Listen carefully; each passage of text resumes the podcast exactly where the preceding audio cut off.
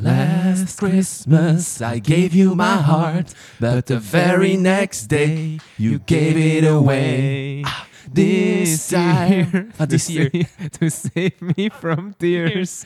I give it to someone special, special. Zou ik het aan Ronnie geven van het jaar? Hé, en ik? En ik? Ja, oké, ja. Steven, leg mij eens uit, waarom zit jij in mijn keuken met een trui, met een, kerst, een foute kersttrui die de titel draagt Jingle My Bells. Eén woord, Magali. Eh, die heeft dat voor mij gekocht. En het is de kerstaflevering. Ja, Eindejaars kerstaflevering. waar de mensen altijd naar uitkijken. Och jongens, dat is gehyped. Twitter staat in brand. Eh, Elke dag 200 berichten. Wanneer? Wanneer komt ze uit? Wanneer komt ze uit? en we hebben vandaag niemand minder dan Oh. Ronaldo van Krombrugge. Ronald van Krombrugge te gast. Hoi, hoi. Hij is Echt. en weer enthousiast als altijd. Ja, maar hey, we zijn hier al twee dagen bezig. Hè? Ja, dat is juist. Ja, ja de boykes zitten, Het vet is van de soepman. hè. zitten in mijn krip in, eh, in Antwerpen. 2060, zoals ze zeggen. De August Niederstraat 10. Maar wil ik dan nu...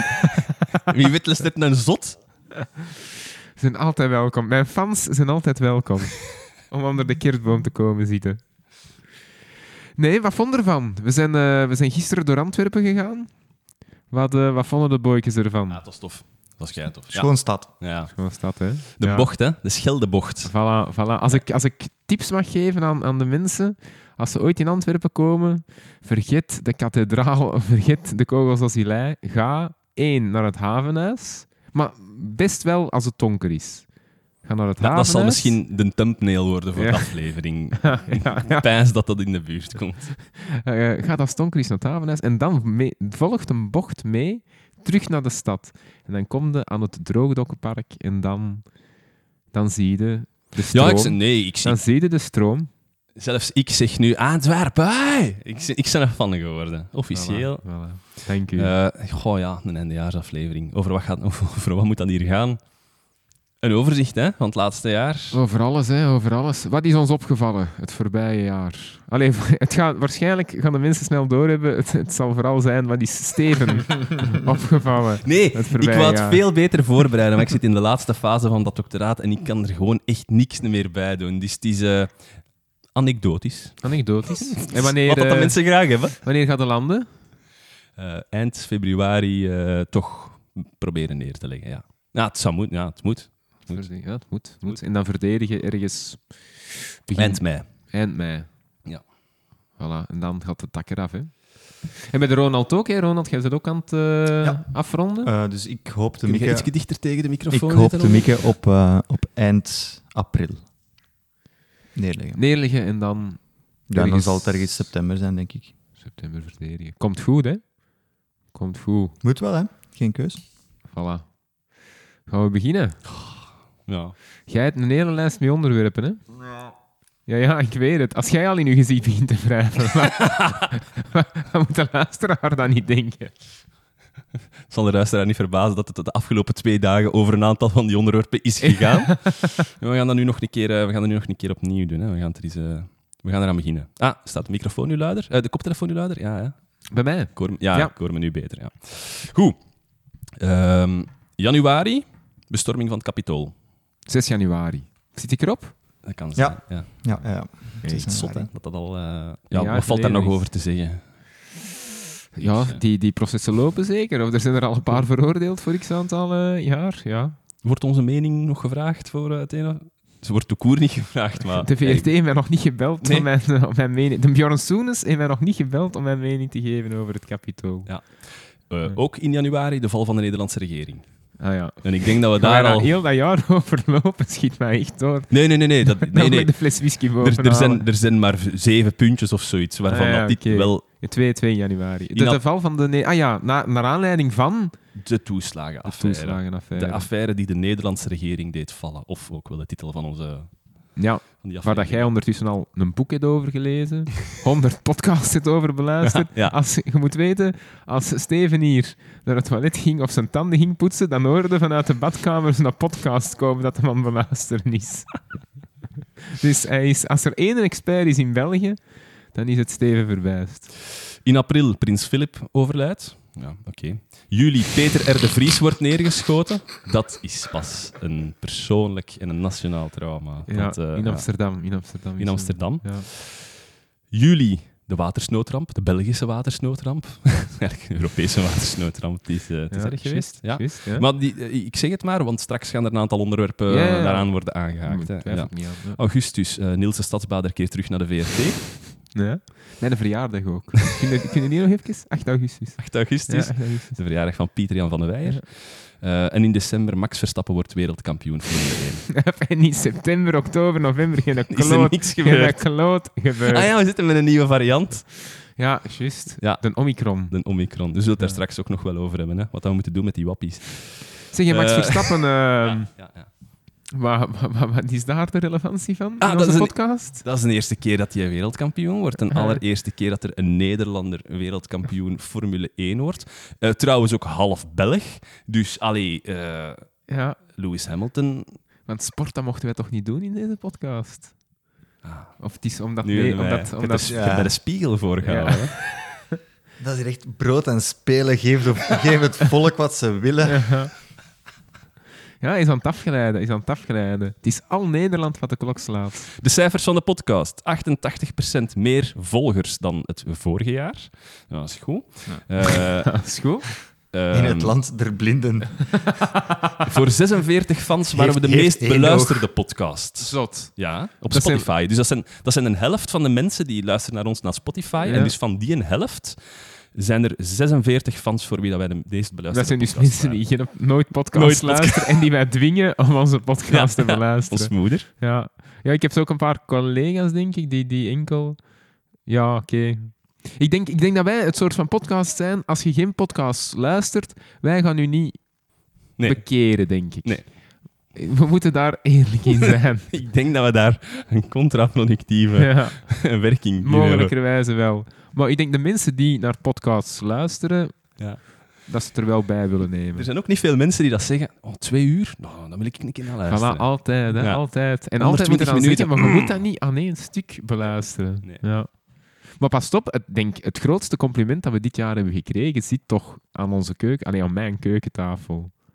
Het feit dat Ronald van Krombrugge hier voor de tweede keer aanwezig Ronnie, is. leg dan een keer uit aan de mensen. Waarom waren jij van in het begin de grootste scepticus van onze podcast? Omdat ik er de meerwaarde niet van inzag om die twee chareltjes onder elkaar Ja, maar dat, dat is eh, het ook niet, discussies te horen voeren. En dan altijd op te vasten dat het eindpunt van de discussie is... Goh, dat weet ik eigenlijk Dat is eigenlijk niet. een goede vraag. Dat is een goede vraag. Moest er hier nu maar iemand aan tafel zitten die daar iets van wist? Ja, en het ding is nu, het pijnlijke is nu dat wij na elke aflevering die we opnemen, krijgen we eerst meestal een WhatsApp-bericht om zo wat het ijs te dooien van "Oh, goed gedaan, Chareltjes. En dan, en dan krijgen we alle punten waar dat we Ja. fout zaten. En, en je, weet, Ja. je weet waar dat hem zit in het beluisteren, Ja. omdat hij op dat moment inderdaad, stuurt. Inderdaad, ja. Ja, dus, En dan weten dat het ergste nog moet komen, want ergens van achter wordt er niet gezegd. ja. Ja, ja. ja, Eh, maar soms is het gewoon grof. Ja De dingen die gezegd worden. Dat we echt... Ah ja, Ja, dat je niet een beetje ernaast zit, maar Wat ik grof vind, je moet, je moet dichter tegen je microfoon praten, Ronnie. Dat vind ik grof. Hé, maar ik, ik heb al dingen aangehaald die ik van u heb vernomen, hè, Ronnie? In de podcast. Ja. Over in de Afghanistan-podcast. Ja, maar ik sta ook Die niet... overal wordt sta- verbrand. Ik sta ook niet in voor de, de Ja, waarheidsgetrouwheid staat van op- die opmerkingen. Dat staat ook op Spotify dat dat de slechtste podcast is. nee, maar nee, die, nee, nee. die beluisteren... Oh, ja, dat nee, zou nee, dat weet ik niet. Dat weet ik. Die heb ik niet opgezocht. Eh 1133 minuten over 13 afleveringen. Hebben wij opgenomen. Wij opgenomen. In, in het jaar 2021. Ja. Maar hebben wij zoveel afleveringen? eh? We hebben heel, eerst ja, weer heel wat afleveringen alleen moeten opnemen omwille van corona. Ah, en, dan, ja, ja. en dan is het begonnen terug met, met de Christophe zeker. Krieke, Krieke Maas. Die hier Goeie, gisteren ook goeie was. aflevering, goeie aflevering. Ja, dat was een leuke aflevering. Ehm, Maar zoveel afleveringen met, met gasten? Ik denk drie, nee? ja, niet veel. Christophe Maas, Ronald van Krombruggen en, eh, en de Simon... ehm, achternaam. Van Hova. Geen- ah ja, ja, Van Hoven? Mhm. Ja. Ah ja, oké. En dan de Jonas Vernieuwen, ik denk.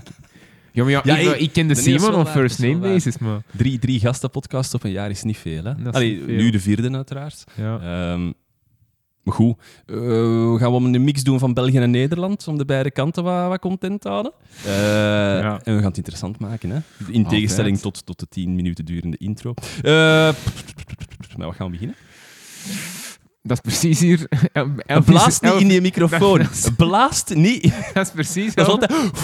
dat is precies Elvis blijven bestaan. En met, met wat fragmentje gaan we... Met welk fragmentje gaan we nu beginnen? Hey, als die dat mogen, mogen wij dat Ja, zeker. dat is juist. dat Het is gaat hier zo vlot als de PJ op een eerste date. Dat is hier echt... Waarom moet dat altijd mijn zwakke plek zijn? Misschien is er daar in 2022 nieuws over, maar of van het jaar. Hé, maar daar moeten we dan een special over maken. Ja, ja, dat Niet zal gebeuren. Kom. Mannetjes, ik stel maar voor, verplichte vaccinatie. Gaan we het Ja. gewoon al direct deur in huis? Ja. Oké. Oké, ja. Punt. Ander lijn. Ah, Volgend onderwerp. Ja. Verplichte vaccinatie. ja. Ja. wat dus er luisteren mensen die dan niet gevaccineerd zijn. Dat, Vermoedelijk. vermoedelijk ja. wel. Ja, je komt, je, komt, allee, je komt er eigenlijk wel vrij veel tegen, heb, Mhm. ik- heb ik de indruk. Ik, ik ken er, ik ken er. Zonder Ik ken er te noemen. eh, Ja. ik, ken, ik ken mensen. Die dat luisteren.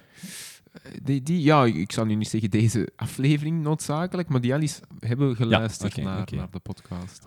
Wat zou jij die mensen willen zeggen, Ronnie? Nee, nee, we gaan, we gaan hier geen Radio Milcolin Nee, beginnen. maar, maar die, die mensen... Allee, ik bedoel, dus de persoon waar ik over praat, dat is een crème. hè. Echt een crème. Die, en ook niet van... Allee, solidair, dat is... Ja, belt die en die staat er. Hè. Dus dat is... Dat is ja...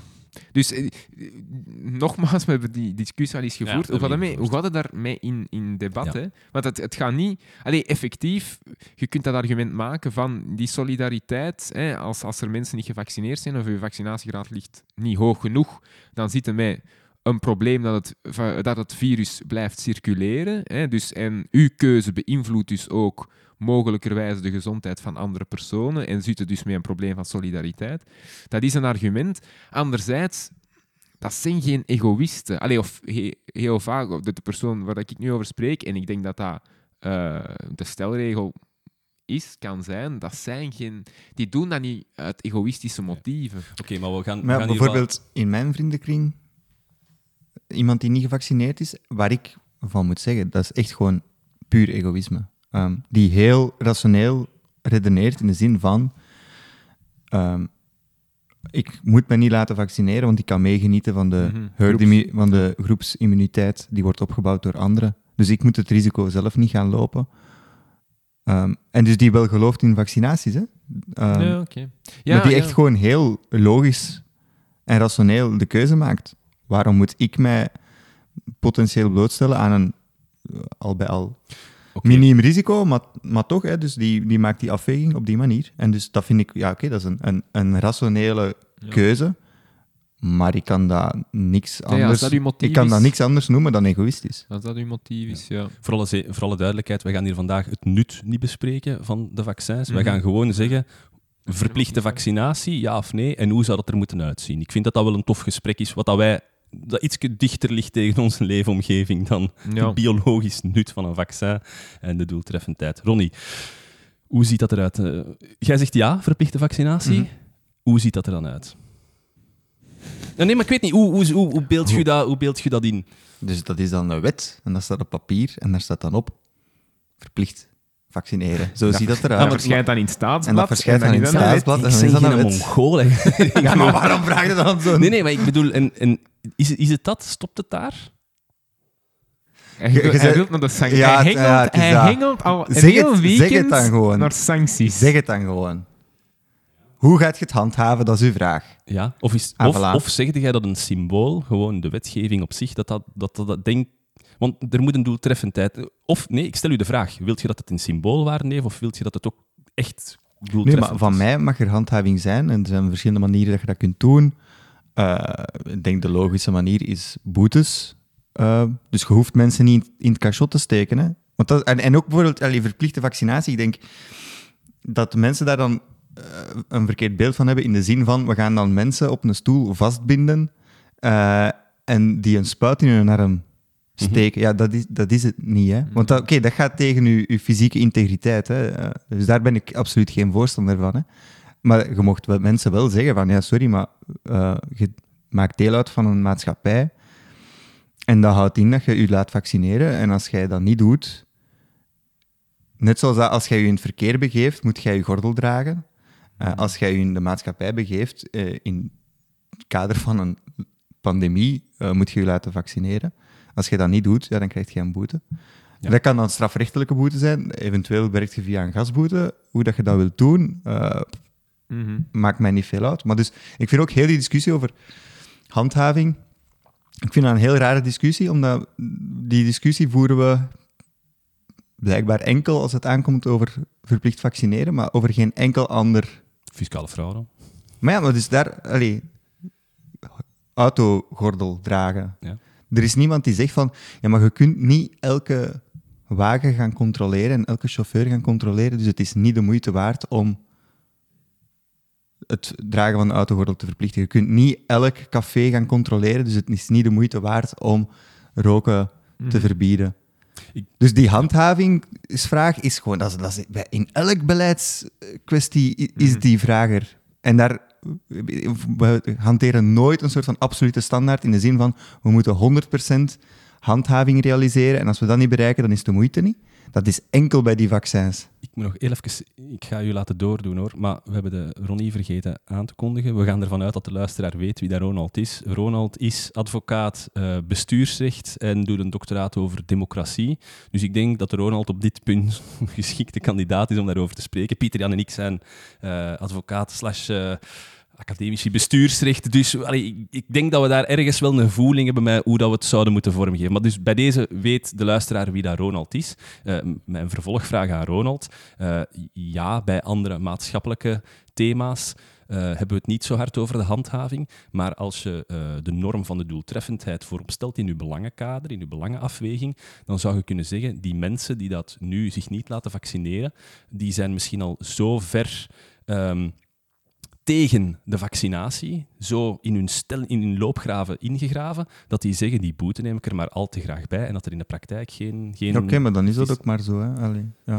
ja, maar en je gaat toch in de vaccinweigeraars gaat er nog groepen hebben. Hè? Ik denk, door die maatregel, door het te verplichten, dat je wel nog altijd een percentage gaat overhalen om zich toch te laten vaccineren, die, die inderdaad niet zo rabiaat anti-vaccin zijn en waar dat dan misschien juist de moment is waar dat ze de klik maken van oké, dat heb ik er niet voor over. Het klopt, in die groep van vac vaccinweigeraars gaan er wel nog altijd wel de rabiaten hebben die principieel echt iets tegen hebben. De persoon die ik ken, hè, dat gaat echt over het principe hè, van en de overheid die u verplicht om een vaccin uh, te nemen, dat is ja, ideologisch. Als ik hoor de consequenties die die bereid is te nemen om niet dat vaccin toegediend te krijgen, dat gaat heel ver. Dus daar klopt, die, die gaan we waarschijnlijk nog verder van ons afduwen of nog verder bevestigen in de redenering hè, dat de overheid onze vrijheden beperkt. Maar oké, de vraag is, is dat een reden om het dan niet te doen?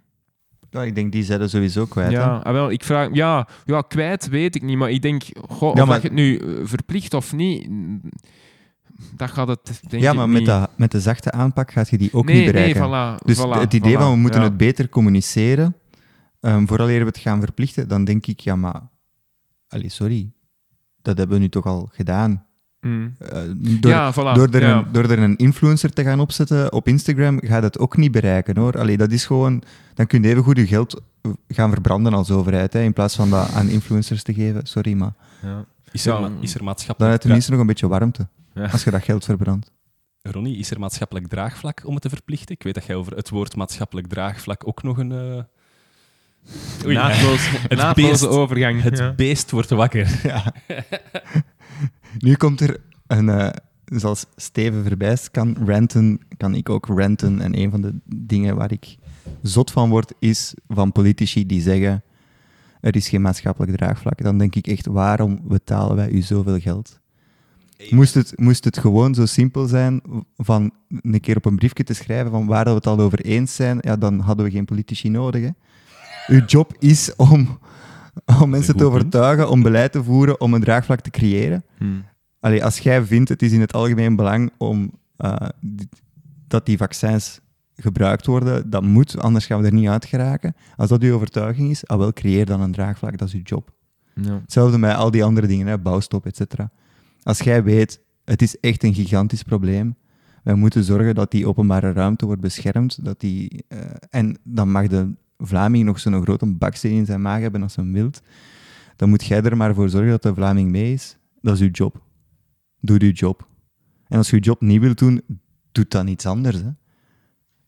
Mocht er nu een zaal zijn die was rechtgestaan en had er een ongestaande ovatie gegeven, eh, valt daar iets tegen in te brengen? Nee, hè, dat is Niks. dat is- Ik ben er 100% mee, eh, mee Eh, akkoord. Ja. Dus dat, dat, dat is alvast, daar zijn we het over eens. Eh, is er maatschappelijk, is er dan maatschappelijk, als ik dan toch de vraag mag stellen, is er dan maatschappelijk draagvlak voor een verplichte vaccinatie? Ik weet dat niet, dat moet je niet aan mij vragen. Hè. Dat moet gaan... Jij? Kijk, we zijn met 11 miljoen experts op dit vlak. Hè. Eh, Ja, maar kijk, er zijn eh, mensen die de methodologische kennis hebben om dat na te gaan via opiniepeilingen, Dat hoort hem niet cetera. graag. Dat Ehm, hoort hem niet graag. jij wilt gewoon geen PG doen. Ja. Van, Ah ja, maar, dus, maar nee, maar ja, ik kan dat niet, ik Sorry, kan dat nee. niet zeggen, dus ik weet niet wat dat, eh, of dat daar al peilingen over uitgevoerd zijn eh, en wat dat daar de resultaten van zijn, maar ik denk dat de kans reëel is. Nou, ik, ik wil eigenlijk een beetje hinten op de, de antivax-betogingen en de silent majority. Daar wil ik eigenlijk een klein Ja. beetje naartoe. Ik weet dat dat geen één op één is, maar Ja, ja, ja, dus het argument dat zij maken van wij vertegenwoordigen de democratie op dit Ja. vlak, ja, ik denk dat er heel veel mensen het daar niet mee eens zouden zijn. Ja, die, Nee, absoluut. Ja, over, over hoeveel gaat dat? Over een paar honderd man? Die er altijd komen. nee, ah nee, maar oké, dat dus er was weer wel duizenden mensen, hè. der- 30.000 Ja, man ja. of zo. Hè. En dan op, 8.000. op de Ja. grootste betoging was wel iets van 30.000 man. Ja. Ja. Maar Oké, dat is inderdaad. Maar dat is een potpourri van verschillende Ja, ja, meningen. voilà. De vraag Maar is, je dat argument van silent majority is ook echt een dwaas argument. Want ja, het ding van een silent majority is, ze is stil hè. Dus je kunt altijd zeggen, ik spreek voor de silent majority. En de silent majority zal niet zeggen, nee, je spreekt niet voor mij. Want ja, het is de silent majority. Ja, maar dat is een argument of wat? Hè, we zijn hier maar met 8000, maar wij spreken voor de silent majority. Is dat wat ze zeggen? Nee. Ja, nee, maar dus het omgekeerde argument Ah, ja, voilà, maakt het even omgekeerd. Ja, Het omgekeerde argument maakt even min, houdt even min steek in de zin van we gaan die 30.000 mensen wegzetten als irrelevant, want de silent majority staat achter mij. Ja, dat, dat is ook gewoon dwaas. Dat zijn gewoon dwaze argumenten, te koer. In die betoging denk ik dat de vergelijking, dat, dat, dat de redenering opgaat dat je zegt, jij vertegenwoordigt niemand anders dan alle mensen die hier aanwezig zijn. Dat zijn de enige mensen dat jij op dit vlak vertegenwoordigt. Ja, oké, nee, ik denk... Ja, zij ver- zij ver- zichzelf. ja, maar zij vertegenwoordigen wel... eh, ik denk, zij kunnen wel, denk ik, op een eh, beargumenteerbare wijze zeggen... Wij vertegenwoordigen wel echt meer dan enkel de mensen die hier aanwezig zijn. Wij vertegenwoordigen een bepaalde groep van de maatschappij die echt een probleem heeft met die, met die maatregelen. Maar inderdaad, maar wat is dan het probleem hè, dat ze hebben? Allee, dat is ook een lappendeken van Ja, ja. verschillende insteken. Hè. Maar dus, het is meer dan enkel die 30.000 mensen. Hè. Laat ons daar Ja, ja, eh, eerlijk over zijn. Maar oké, zij kunnen ook niet gaan zeggen, wij vertegenwoordigen de meerderheid. Of wij zijn hier de wil tuurlijk. van het volk aan het verkondigen. Want dat bestaat gewoon niet, de wil van het volk. Ehm, eh, een beperkte lockdown voor mensen die niet gevaccineerd zijn. Ah, zie maar, dus dat vind ik zot in heel die discussie over verplichte vaccinatie. Om dan niet die vaccinatie te moeten verplichten, worden er allemaal ballonnetjes opgelaten over andere mogelijke ideeën, die ik dan veel radicaler vind. En veel minder proportioneel dan gewoon de verplichte vaccinatie. Bijvoorbeeld, dat vind ik al veel problematischer, omdat je dan echt mensen Ja, verschillend gaat behandelen. Eigenlijk is dat toch inderdaad dat is toch hetzelfde. In de zin van. eh, ja, alleen wat jij er juist terecht zegt, er is niet zoiets als een verplichte vaccinatie. In de zin van ze gaan u in een stoel zetten en gaan, ze gaan u de spuit toedienen. Het is gewoon de vraag: wat zijn de consequenties? In het ene geval, als we spreken over ver- verplichte vaccinatie, vermoedelijk gaat het dan iets met boetes worden. Maar het zou ook kunnen dat de sanctie is, hè, je moogt inderdaad, of je wordt beperkt in je vrijheden. Een andere sanctie, en daar is er subiet nog eh, op terugkomen waarschijnlijk, hè, is dat je eh, zou geweigerd kunnen worden eh, in de, in Ja. de spoeddienst. Allee, of als er een keuze, een keuze is tussen u en een, persoon die wel gevaccineerd is. Dus het gaat altijd over ja. de, de, de sanctie, inderdaad. Hè? Wat, wat is de sanctie die je dan... Allee, dat is dan... Bij die lockdown, dat wordt niet ge- gepercipieerd als een sanctie blijkbaar, maar eigenlijk is dat toch gewoon hetzelfde. Dat is een verplichte vaccinatie. Met de sanctie, als je het niet doet, dan moet je kot niet meer uit. uiteindelijk zijn dat toch variaties op hetzelfde thema. Ja, maar dat is... Maar ik- Maar dus ik vind dat wel al vergaande. Maar dat is vergaan. Ja, ja, Dan- voilà, voilà. Ja, maar ik, ik, ik geef gelijk. Dus hè, ik ja, vind, er zit daar gewoon een zekere paradox in de zin van... We willen die verplichte Voilà, ja. vaccinatie blijkbaar niet. En dan gaan we allemaal andere ideetjes voorstellen die dan eigenlijk veel radicaler zijn. Want het, En dat ook meest, neerkomt het, op... het meest radicale idee vind ik inderdaad eh, mensen gaan weigeren of mensen gaan achterstellen in de zorg op basis van hun vaccinatie. Ja, Graag. dus vond voor de mensen in de Dat, is- dat, Nederland... is echt, dat vind ik echt, dat is echt radicaal. Ik weet niet dat in Nederland ook gebeurt, maar dus voor Nederlandse luisteraars, er zijn een aantal ballonnetjes opgelaten over als er nu een keuze moet worden gemaakt tussen twee mensen op intensieve zorgen, kunnen we dan kiezen voor de persoon die wel gevaccineerd is en niet gevaccineerd, maar dat staat direct op zijn grenzen. Wat doe je met een 26-jarige vader van drie kinderen die niet gevaccineerd is en een 92-jarige vrouw die wel gevaccineerd is en die alle twee op intensief En daar, daar barst dat al uiteen, los van een of ander sociaal bewustzijnsgevoel dat je ook nog maar mocht koesteren, dat daar compleet mee in strijd is. Ja, want ik vind verplicht vaccineren, het idee dat ik daar achter heb, is je mocht mensen wijzen op de verantwoordelijkheid die zij dragen als lid van een maatschappij. En dus dan kunnen wij zeggen van, ja kijk, eh, sorry, wij verwachten van u dat je u op een bepaalde manier gedraagt als je begeeft in de maatschappij, waaronder dat je u laat vaccineren tijdens een pandemie, dat je je gordel draagt als je je begeeft in het verkeer, het, dat je belasting, voilà. Dus we vragen heel veel van Mhm. mensen, gewoon om het samenleven mogelijk te maken. En dus dan ehm, verplichte vaccinatie, dan wijst je mensen gewoon op die verantwoordelijkheid en daar verbind je dan ook gevolgen aan. Je kunt een boete krijgen als je het niet doet.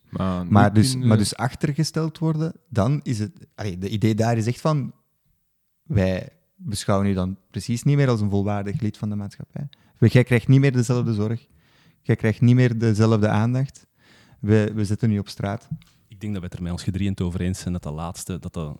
Ja, maar ik vond dat zot dat dat, eh, dat, dat argument, of die, ehm, die insteek gegeven werd door ja, een vrij matige, filo- eh, een, een, een gematigde filosoof. hè. Ja, en dat dat zoveel maatschappelijk draagvlak, Draagvlak. ineens Ja, voilà, kreeg. ja, dat, dat- dat je denkt, ik snap dat je kwaad bent, langs beide Voilà, kanten. ja, hè. ja. Ik probeer de kerk in het midden te houden, Je snapt maar emoties. ik inderdaad, snap ja. langs beide kanten dat er kwaadheid bestaat en dit gaat niet... Je, kunt je kunt dat ook niet doen. Ons zorgsysteem is gebaseerd op een principe, als je binnenkomt, worden geholpen. En dat, we gaan, een roker gaan we niet, niet weigeren omdat hij rookt. Eh allee, hetzelfde. Als je zat met een auto tegen een boom knalt, gaan we je nog altijd gaan helpen. Eh, dat zelfs in een eh, oorlog doen we dat. In, in het eh, met, met, het Rode, met Rode Kruis en met de eh, eh, ja, hulpverlening. Eerst zien dat de mensen geholpen worden en dan zullen we nadien wel praten over de gevolgen. Is het, wel, is het niet zo ehm, dat voor een nieuwe lever mensen die drinken, dat dat in rekening wordt? Of is dat... Nee, nee, ben ik... Ja, ja, en dat kan goed zijn. Dat kan goed Nee, zijn. nee. Maar ik kan, kan aannemen, wel, als je een keuze... Want het gaat natuurlijk, als je bedden genoeg hebt, ja, dan is het pervers dat je mensen zou weigeren. hè, dan is het pervers. Maar het gaat natuurlijk over de keuze. Schaarste, ja. Het gaat over, en, en je hebt één bed, je hebt twee patiënten. Neem de, neemt je dat mee als, als element in de beoordeling? Allee, pas op, ik zou wel kunnen... Maar meenemen als element in de beoordeling is nog iets anders Ja, dan... ja, ja, dan doorslaggevend. Ja, absoluut, absoluut. Maar ik weet ook niet, ik persoonlijk, ik moet ook eerlijk toegeven, ik heb dat opiniestuk van die filosoof De Vries, of hoe heet hem, niet gelezen. Was dat dus, die Luib- Luibroek? Of, eh, of, of, was dat Loop? Nee, ik denk, Loop- dat, ik denk dat het Vries was. ah, is wat, een van die twee mannen. Knip dat eruit. Ik heb het- ik heb-. Ja, sowieso niet. Ik heb, eh, ik heb het niet gelezen, dus misschien dat het gematigder was. Ik heb enkel de reacties erop gelezen, dus misschien dat het voorstel wel Ja. gematigder was en dat het niet een hakbijl was, maar gewoon iets dat mee moet genomen worden in, in, in de beoordeling. Wie, wie, eh, wie geven we voorrang? En dat inderdaad leeftijd nog altijd wel, als je zo'n extreem geval hebt van iemand 96 jaar en iemand 26 jaar, De marges zijn altijd duidelijk. Laat ons eh, het midden opzoeken. De 23-jarige CNV. vader, CNV, nee, ik bedoel gewoon de, de hypothetische scenario. Hmm. De 23-jarige vader die wel met drie kin, eh, twee kinderen, die dat wel en niet gevaccineerd is. Ze zien er alle twee hetzelfde uit, hebben geen onderliggende comorbiditeiten. Wie volledig, je ja, wel, maar dat volledig moment? hetzelfde. Eh, Volledig hetzelfde. Het enige verschil is, je bent wel of niet Ja, maar ja. gevaccineerd. Kunnen we dan... Kunnen, Dat is heel hypothetisch. Allee, dat is Zelfs- heel theoretisch. zelfs maar dan ja. vind ik het filosofisch moeilijk om te zeggen... Maar je moet een keuze maken. moet een hè. keuze je maken. moet een keuze maken. Ja, maar- Dan vind ik dat wel een argument. Ja, maar wat ik ook al gehoord heb in de discussie, is dat het zo niet werkt. Want die twee vaders gaan daar niet op exact hetzelfde moment staan. Maar Nee, nee, maar het Dus- is theoretisch. Ja, ja, maar, dus het dan is een het, maar dan is, ja, maar dan is het een, een dwaas gedachte-experiment dat geen enkele Nee, relevantie heeft. Ja, ja, Want, dat is ook Ja. het ding. De, de, de, nee, de echte vraag is dus, als die niet gevaccineerde vader zich aanbiedt ehm, en, Ja, die. Krijgt, en die krijgt een bed. En de bedden zijn dan op. Het was het laatste bed. En dan komt die wel gevaccineerde vader. ga je het afnemen. Dat is een, ja. Gaat het die een ander dan buiten zwieren? Om die eh, gevaccineerde vader daar te leggen? Ah, Ja, nee, dat gaat er Sorry, niet maar de keuze is dezelfde als het hypothetische scenario Ja, dat ik net eigenlijk wel. Nee, nee, maar het gaat nog over iets anders. Hè. Het gaat niet van, laat je iemand, gaat je iemand zorg weigeren of niet? Want ja, per definitie gaat die daar komen, er is een bed, die, Ja, krijgt, ja. die krijgt zorg. En de vraag is dan, wat gaat je dan doen als er daarna mensen zich aanbieden die wel gevaccineerd zijn? Gaat je die dan terug Ja, maar op de zich zorg afnemen? verschilt het niet zoveel van wat, wat, wat Steven zegt. Hè. De perceptie is anders. Omdat je inderdaad, je hebt dat iets gegeven en je neemt het nu weg. Ja, maar in- dat in is ook wel de meer, dat, was het- Ja, maar dat is een meer realistische... Ja. Ja, ja, Oké. ja, effectief, effectief. Hypothese. Maar, maakt dat een verschil? Wat zou je doen? Wat zou je dan doen? Ah nee, dus niet de zorg afnemen. Dat vind ik echt...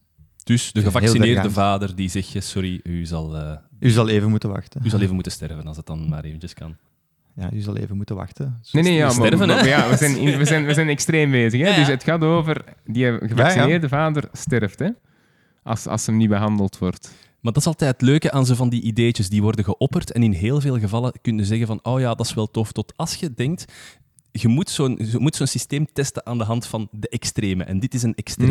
Ja. Vlak in het midden gaat je dan op basis van dat een keuze maken. En als je dan zegt, oh, ik weet het niet, dan moet je misschien dat systeem niet toepassen. En Ja, ik snap maar- dat in heel veel gevallen, dat, dat je daar op een correcte wijze mee kunt omgaan. Hè? Ja, natuurlijk, hè, ons, onze overtuiging spreekt op die manier. Maar probeer het nu een keer echt in te beelden in de praktijk met twee identieke Ja, gevallen. wel, maar Wat het is- zou ermee Maar als je het op die manier voorstelt, dan merk je toch dat het een veel verregaander voorstel is dan Ja. we geven nu een boete als je niet laat vaccineren. Tuurlijk. Dus Ja. ik vind het gewoon vreemd dan dat die ballonnetjes worden opgelaten om rond dat vraagstuk van het verplicht vaccineren rond te fietsen. Want Allee, ja. Ja, maar omdat het daar inderdaad niet wordt geframed als verplicht vaccineren. Daar kijkt men enkel naar de consequenties hè, van gedeeltelijke lockdown of eh, zorg weigeren. En ik denk dat gewoon het, het, de symboolwaarde van het benoemen als verplicht vaccineren, Ja, ja. dat dat inderdaad een rooivot is voor veel mensen. Ja, ja, maar dus Eh, ik, ben, ik ben geen fan van symboolpolitiek. Nee, nee, nee. Dus het feit dat daar rond, wordt rondgefietst Mhm. eh, Ja. en dat, ze daar, dat politici daar niet in de buurt van willen Mhm. komen van een idee van verplichte vaccinatie. Want, oh god, je zou maar eens mensen Ja. tegen u kunnen krijgen, dat vind ik dan ook een zwaktebod. Hè? Want laat dan die, al die onnozele ballonnetjes, die totaal niet realistisch zijn, ja, dat is gewoon tijdsverspilling. Hè? Allee, Mhm. eh, ga naar de essentie van de zaak. En... Is dan ook, ja, alweer proberen zo advocaat van de duivel te zijn, want ik volg u volledig. Is dan ook niet de taak van zo'n filosoof om even zo provocerend naar voren te kunnen komen? Ehm, Oh ja, maar dus mijn kritiek is niet op Ja. die specifieke filosofen die mogen denken wat ze willen en, en Ja, het enige ballon- wat dat ballonnetjes geloof oplaten zoveel als ze willen. En Er is, er, er is een gebrek aan moed bij onze politici om dan voilà, effectief iets te doen met die voor, met voor die alle duidelijkheid, ja, juridisch kan het, hè. ja, ja. Eh, juridisch Zeg dat eens. verplichte vaccinatie. Ja. Zeg. Zegt dat iets? Ja. Ja, nee. ah, nee, dat- dat was het. Ik weet... Allee, eh, ik- Ja, van Cassatie zeker, en het Europees Hof voor de Rechten van de Mens, hebben Al we onder meer met polio, al vers- denk ik. verschillende keren eh, bevestigd dat het oké is. hè. Dat het, En ik denk, hier zitten we nog in het feit van, we zitten in een lopende pandemie. Dus het is proportioneel in een niet-acute fase. Mhm, Ja, voilà. En dan is het zeker proportioneel in een acute Voilà. fase. Hè? Ja. De, de nood is Ah, veel groter nu. Hè? Maar dat, dat snap ik niet, dat dan, eh, hoe heet hem daar, een Walter van Steenbrugge, daar zich allee, populair komt maken van, hè, die is nu toch heel veel van die personen aan het verzamelen. Kunnen we, hè, en dan komt hem op, eh, op ter zaken of, of de afspraak Wie is ja, Walter van Steenbrugge? ja, zo een, advo alleen een advocaat die, die zichzelf denk ik heel graag ziet. Ah ja, Eh, oké. Zoals alle advocaten. Zoals, zoals heel veel advocaten. Ehm, en die, dus die is heel veel ehm, ehm, ja, denk mensen, personen, burgers aan het verzamelen die zich afzetten tegen verplichte vaccinatie. Eh, en dan komt hem daarover over praten hè, op ter zake en de afspraken. Natuurlijk voor een lekenpubliek, geen, niet noodzakelijk juristen. En dan is hem, ja, en we zijn het nu aan het onderzoeken of dat dat allemaal wel kan. En dan denkt hij van, maar elke jurist weet dat dat kan, want Hof van Cassatie de van, dat zijn twee minuten opzoekingswerk. Dus allee, je wilt dan niet vragen hoeveel dat hij er waarschijnlijk voor aanrekent. Dat weet ik nu niet. Ja. Want die, die komt er dan... Allee, zo, zo, ja... Wat dat we kunnen meegeven, dan dat ik is... stenen kloot van Steven, echt waar. Oeh, het eerste punt van Pieter Jan Ja. is gemaakt. Nou, nee, maar de- wat dat je gewoon moet wegnemen uit dat, uit dat verhaal, dat is als je volksgezondheid voorop stelt in je, in uw belangenafweging, dan aanvaarden heel veel rechters dat je heel ver kunt gaan. Eh, ja. Ja. ja, hetzelfde met ehm, alle discussies die er geweest zijn over de rechtsgrond, et cetera. Ehm, rechters hebben zich terughoudend opgesteld in hun beoordeling van al die maatregelen. ja, van de pandemiewet en zo. Ja. ja. Ja. Soms wel, ja, oké.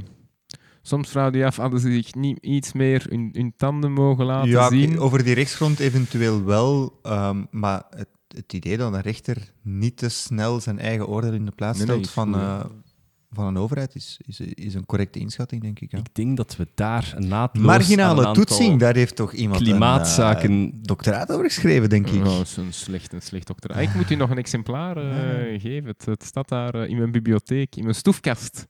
Ja, Zeg, eh, Al geciteerd nog- trouwens, hè, en eh, succes mee gehad. dankjewel, dankjewel. Nog heel even terugkomen naar de, het, het afsluiting, want ik heb nog één alternatief opgeschreven. Geen terugbetaling van de, van de ziekte, ziektezorg. Eh, Juist, dat zit er nog tussen. ehm, ja. Dat is een Dat wordt tussenvorm. ergens toegepast, denk ik al. Hè? Is dat niet Is dat? Israël Ah, of zoiets, Hmm. dat dat al gedaan wordt? Oké, we gaan, dat we je- gaan dat- Israël niet voorop stellen als moreel kompas. Nee, nee, maar dat je inderdaad ja, dat je de factuur dan wel krijgt. Als je, dus je wordt wel verzorgd, maar je krijgt de factuur eh, achteraf. Goh, maar zie, dat, ergens ergens ja, maar denk ik dat dat al maar zie, dat vind is. ik ook wel al vergaand. Want, Ja. want, want dat vind ik het ding bij dat verplicht vaccineren. Je, wij- je wijst mensen op de verantwoordelijkheden die ze dragen als lid van de maatschappij, maar je zegt... Allee, maar je behandelt ze nog wel altijd als een volwaardig lid. Ze worden niet tweederangs behandeld op geen enkele manier. Ze krijgen de zorg, die zorg wordt terugbetaald. Dat stel ik allemaal niet in vraag. hè. Ik vind het eigenlijk veel radicaler om dan te zeggen van, ah ja, oké, als, je, als je niet mee wilt doen, ja, trekt je plan. Nou, ik, ben het daarmee eens, Ronnie. Ik ben volledig eens. Ik, ik zie dat passeren en ik denk dat... Ja, maar dus Ik, snap, vanuit mensen... een, een kwaad... Als je, als je echt woede voorop stelt als belangenafweging, snap ik dat je wraak wilt nemen. Eh, la- laat ons dan Ja. even heel, heel platvloers zeggen, dan snap ik het. Maar eh, wij leven in een sociale rechtsstaat waarin dat... Dat klinkt zo wollig wat ik nu aan het zeggen ben. Hè. Maar dat, Voor, u, voor u is dat echt Ja, dat- ongezienbollig. Ja. ja. Uw Goh, maar ik heb, verzinkt in het niet. we zijn al twee nachten opgebleven en al, het is echt een zware dag. Maar dus ik, snap, ik snap niet waarom dat verplichte vaccinatie als zo indringend wordt ervaren. Oké. Ik snap, ik snap het niet. Ja, het is een vraag ook. Ik zie het niet. Ah, nee, maar ik, zie, ik zie niet wat dat er Ah, verregaand aan is. Of... Er, er, is, dat, er is niks verregaand aan. De verregaande vraag waar dat dan geen enkele politici op durft te antwoorden, dat is en dan? En dan stopt het. Hè. Dan, dan stopt het hele argument. Als je daarop geen antwoord hebt op de vervolgvraag, wat gaan we daaraan koppelen? Dan, dan komt er ook Ah, geen ja, verplichte vaccinatie. Hè. Ja, ja, dat is de reden waarom dat Frank van den Broeke zich daar ook niet over wilde uitspreken. Want wat gaan we nadien Ja, maar- doen? Gaan we een boete doen? En wat nu als die boete niet efficiënt blijkt te zijn? Zijn we dan mensen gewoon aan het kloten? Sorry, ja, maar dus, maar dus opnieuw, die discussie voeren we toch over geen enkel andere beleidskwestie. Nee, dat is waar. Maar Over gordels. Ja, maar er is, niet, er is geen anti-gordelbeweging. Maar er was een anti-gordelbeweging. Ja, dat is net het punt. ja, ja, ja. Dus, en die exact dezelfde argumenten werden gemaakt. En, en idem met het rookverbod. Wie de, hoe de fuck is de overheid om mij te gaan zeggen wie dat er mag roken in mijn café? Maar natuurlijk, voor Exact die, dezelfde argumenten. Ja, voor die vaccinatie is het wel... Hey, bijvoorbeeld voor die gordels, ehm, voor roken, uw handhaving weet op voorhand, gaat geen 100% zijn. Want je kunt niet checken in elke auto, je kunt niet checken in elk café.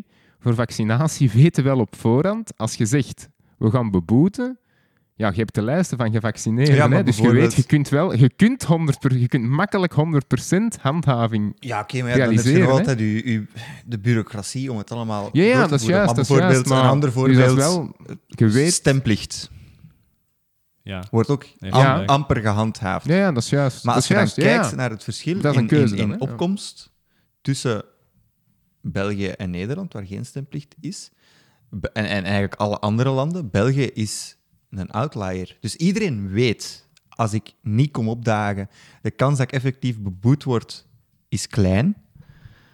Maar toch komen ze opdagen. In, in de overgrote meerderheid van de gevallen. En, en de, dus het idee van het wordt niet gehandhaafd, Dus- dus, zal het geen effect hebben en gaan mensen zich er niks van aantrekken. Ja, bijvoorbeeld dat is denk ik een geval waar het niet wordt gehandhaafd, maar het wel nog altijd een effect heeft om het te verplichten. Gewoon louter de verplichting op zich, los van de het- handhaving, heeft al een effect. Ja, maar het is ook niet dat het vo- niet vo- eh, volledig niet wordt gehandhaafd. Hè. Het, het gebeurt, wel- het heel marginaal, maar het Ja. gebeurt denk ik wel. Hè. Dus je loopt wel altijd nog een risico. Ja, ja oké, maar dat zou hier ook wel het geval zijn. Oké, jongens, ik denk dat Als je wij... het verplicht, vac- allee, vaccineren verplichten. Zelfs als je dan minimaal gaat handhaven, Ja, ja, oké, sorry, in die parallel. Ja, Ja. ja. dus je hoeft geen 100% handhaving te hebben om een effect te bereiken bij Ja, ja, mensen. ja. Ah, maar is ja, wat maar- ik wil zeggen. Ja, ja, inderdaad. Maar ik denk, met vaccinatie kun je wel 100% handhaven, zonder dat dat... Ah, ja, ja, ja, ja. Dus, Oh, maar dan, dan is de vraag, hoe gaat je dat efficiënt organiseren? Ja. Haalt je dat dan weg uit je gerechtelijk apparaat, omdat je dat niet wilt overbelasten, en doet je het bijvoorbeeld via gasboetes? Daar kun je dan over eh, discussiënren. Hè? Ja, ja, Ehm, tuurlijk. Ja, absoluut. Dus Maar, wij, eh, gaan, eh, wij gaan dat punt moeten afronden in een advies aan de regering, dat we hierna gaan Doen. voorleggen. Gewoon Doe. doen. Subiet Nee, bellen. Subiet Just bellen. Do it! Eh, en, en, Is dat en niet nadien, Nike? Is dat niet Nike? Just do it? Is en nadien zien we wel over de het niet. sancties. Just do it. Is dat? Ja, ja, just do it. Ja. Do it. Ja. En daarna gaan, we, daarna gaan we adviseren. Eigenlijk, eigenlijk zouden ze naast de Raad van State, afdeling wetgeving, zouden ze ook Afdeling ons... podcast. Afdeling mag het iets minder zijn. Adviseert, just do it. Ehm, ja, en waarin dat wij een veel grotere uitspraak kunnen doen over de discretionaire bevoegdheid, de beleidsruimte van de overheid. En naadloos zijn we bij de klimaatzaken terechtgekomen. We Ah, hebben het gaan we al besproken.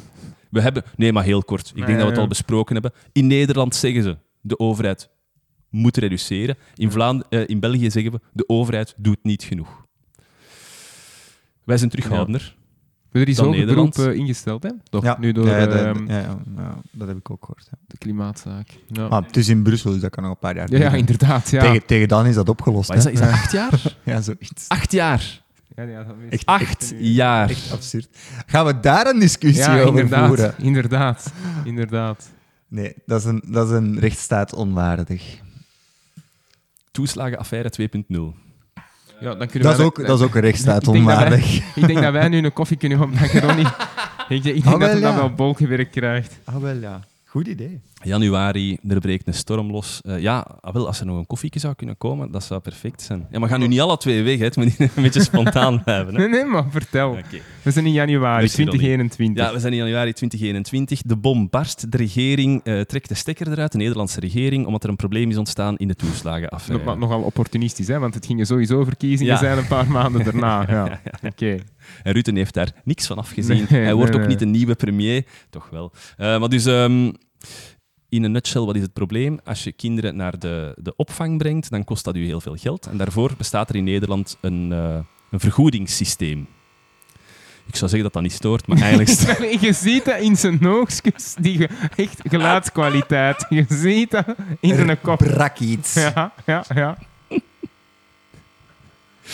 Eh, die... De vraag is, gaat hem het knippen of niet? Ah, wel. Nee. Of gaan we gewoon... Maar ik vind dat huiselijk.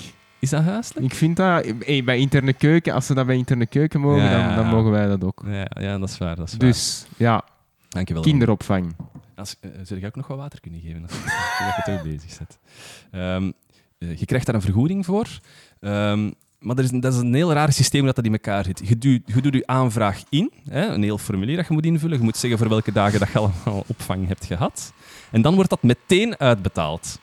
En pas, pas maanden later wordt gecontroleerd of dat je daar eigenlijk wel recht op had. En omdat er een aantal wantoestanden waren, was zelfs de kleinste onvolkomenheid in de aanvraag die gaf aanleiding tot de volledige terugbetaling van alles wat dat je ooit gekregen had. En je kreeg ook nog het stempel van opzetgrove schuld. En opzetgrove schuld is zoveel als je een fraudeur. Mhm. En dat wil zeggen dat je in andere toeslagendossiers of in andere dossiers van de overheid echt problemen hebt. Ehm nu, er is een maatschappelijke... Nog een derde. Er is een maatschappelijke rel rond ontstaan. Ehm, en dat heeft geleid tot een compensatieregeling. En dit is waar dat we dus vandaag zitten. Hè. Dus we zien, Ja. er zijn mensen in de armoede gestort. het is eigenlijk een belangrijk onderwerp. Hè. Dat wel. Het is, het is niet om mee te lachen. Het is niet om mee te lachen. Ja, zeg. Jee, maar als, de politiek, als de politiek het al niet kan, dan, Ja, mogen, wij, dan mogen wij ermee lachen. Ah, Dat is hebben er zelf een boeltje van gemaakt. Ah, ja, maar dus, hey, er is een heel schandaal losgebarsten. Ja, ja. Effectief, die, die wantoestanden tot op de dag van vandaag komen daar nog dingen naar buiten. Want ik denk enkele weken geleden, of, enkele, eh, of een maand geleden of zoiets, dat, die, dat kinderen ook uit huis werden gezet of Ja, zoiets. ja. Dat ook dat de consequentie was. 1500 kinderen Ah, ja, dus er eh, komt nog altijd van alles naar boven. Ja, merci, Sonny. Ehm, en dus eh, wa- waar we vandaag zitten is de vraag, eh, hoe gaan we nu... Hoe zetten we dat recht? Ja, voilà, hoe gaan we dat eh, recht zetten, of partieel recht zetten? En hoe kunnen we dat het beste rechtzetten? Wat is de gemakkelijkste manier? Money. Geld lost voilà. alle problemen in de wereld op, dus we gaan die mensen geld geven. Nu, je hebt net een, een, een systeem gehad waarbij dat de, de, de slinger een beetje te veel naar de foute kant was doorgeslagen. Hè? Ja. Er, waren, er waren wantoestanden met die Bulgaren, de Bulgarenfraude, en dat heeft die slinger in de kant van handhaving. Heel strenge handhaving. En er is nu iets fout hè? De slinger was te ver doorgeslagen. Dus wat moet je zeker niet doen bij je nieuwe systeem? Dat is de slinger te ver laten overslagen naar de andere kant. En dat is exact wat dat er gebeurd is, uiteraard. De slinger is volledig doorgeslagen langs de andere kant. Ehm en Ronnie zit op zijn gsm, de PG is aan het rondlopen. Het is, eh, Ja, nee, maar dus doe maar. Wij luisteren, wij luisteren. Max, eh, Wij Max luisteren. Verstappen is wereldkampioen Formule 1 geworden. eh. Ik ga een glaasje water halen, Ah, ja. sorry.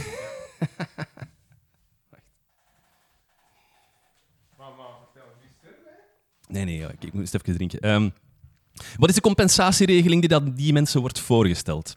Ten eerste, 30.000 euro per geval dat je terugbetaald krijgt. Toekoer, hè? Gewoon 30.000 euro, grof bedrag, ongeacht dat het er van u werd teruggevorderd of dat dat meer of minder was, dat krijg je. Twee tot 10.000 euro per kind krijg je ook terug. Er is een vergoeding voor de eventuele ex-partner, mocht die intussen tijd al gescheiden zijn, wat dat zich in veel, veel gevallen heeft voorgedaan. Alle private en zakelijke schulden worden kwijtgescholden. Als jij nog ergens een lening had lopen, bij lenen bij mevrouw Leemans, is gelijk als lenen bij een vriendin. Is die dood? Die is gestorven, ja, overlaatst. Ja. Ik, ik wist je dat, je. Ik geef het maar mee. En af en toe krijgen wij de commentaar dat we te veel van een commentaar...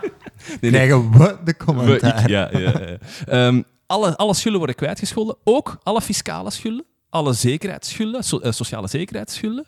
De overheid moet u helpen in toekomstige dossiers met werk, met ehm, eh, gezins, eh, gezinshulp of zoiets. Het moet, moet allemaal bijstaan. Dus dat is zo een soort van pakket dat wordt gegeven aan al die mensen die in die fraudedossiers zijn bestempeld als opzet, ehm, opzet eh, grove schuld. Hè? Maar begrijp ik het dan goed, als jij ooit 2000 euro of zoiets boete hebt gekregen, 2000 euro hebt moeten betalen, dat jij nu een Het pakket... moeten terugbetalen. Hè? Dus het was geen boete, je Oh, moet sorry, je het moeten terug- Ja. terugbetalen. Ja, eh, maar ja, dat het daarover gaat, dat ongeacht die 2000 euro, stel je voor je hebt twee kinderen, dat jij en 30.000 euro krijgt en nog eens wat, 10.000 euro per kind en het hele pakket dat je nu hebt opgesomd. Ja. Ja. Zonder, Ja. zonder dat er vragen worden bijgezet. Maar ook andersom, als jij meer Ja. hebt moeten terugbetalen, is het ook maar 30.000 euro. Er zijn gevallen waarin dat mensen verschillende tienduizenden euro's moesten betalen. 40, 50, 60 tot meer.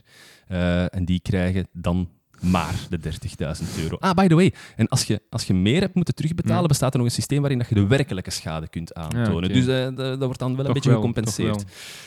Nu, ik, ik, voel, u- ik, ik, ik voel u de vraag al stellen. Ja. Wat gaat dat kosten? ja, quanta costa. Wat denkt u dat, wat denkt u dat, dat gaat? Ik heb het gisteren al gezegd, jullie weten. Ja, maar dat was na drie uur. Ja, Geen halve fles whisky op.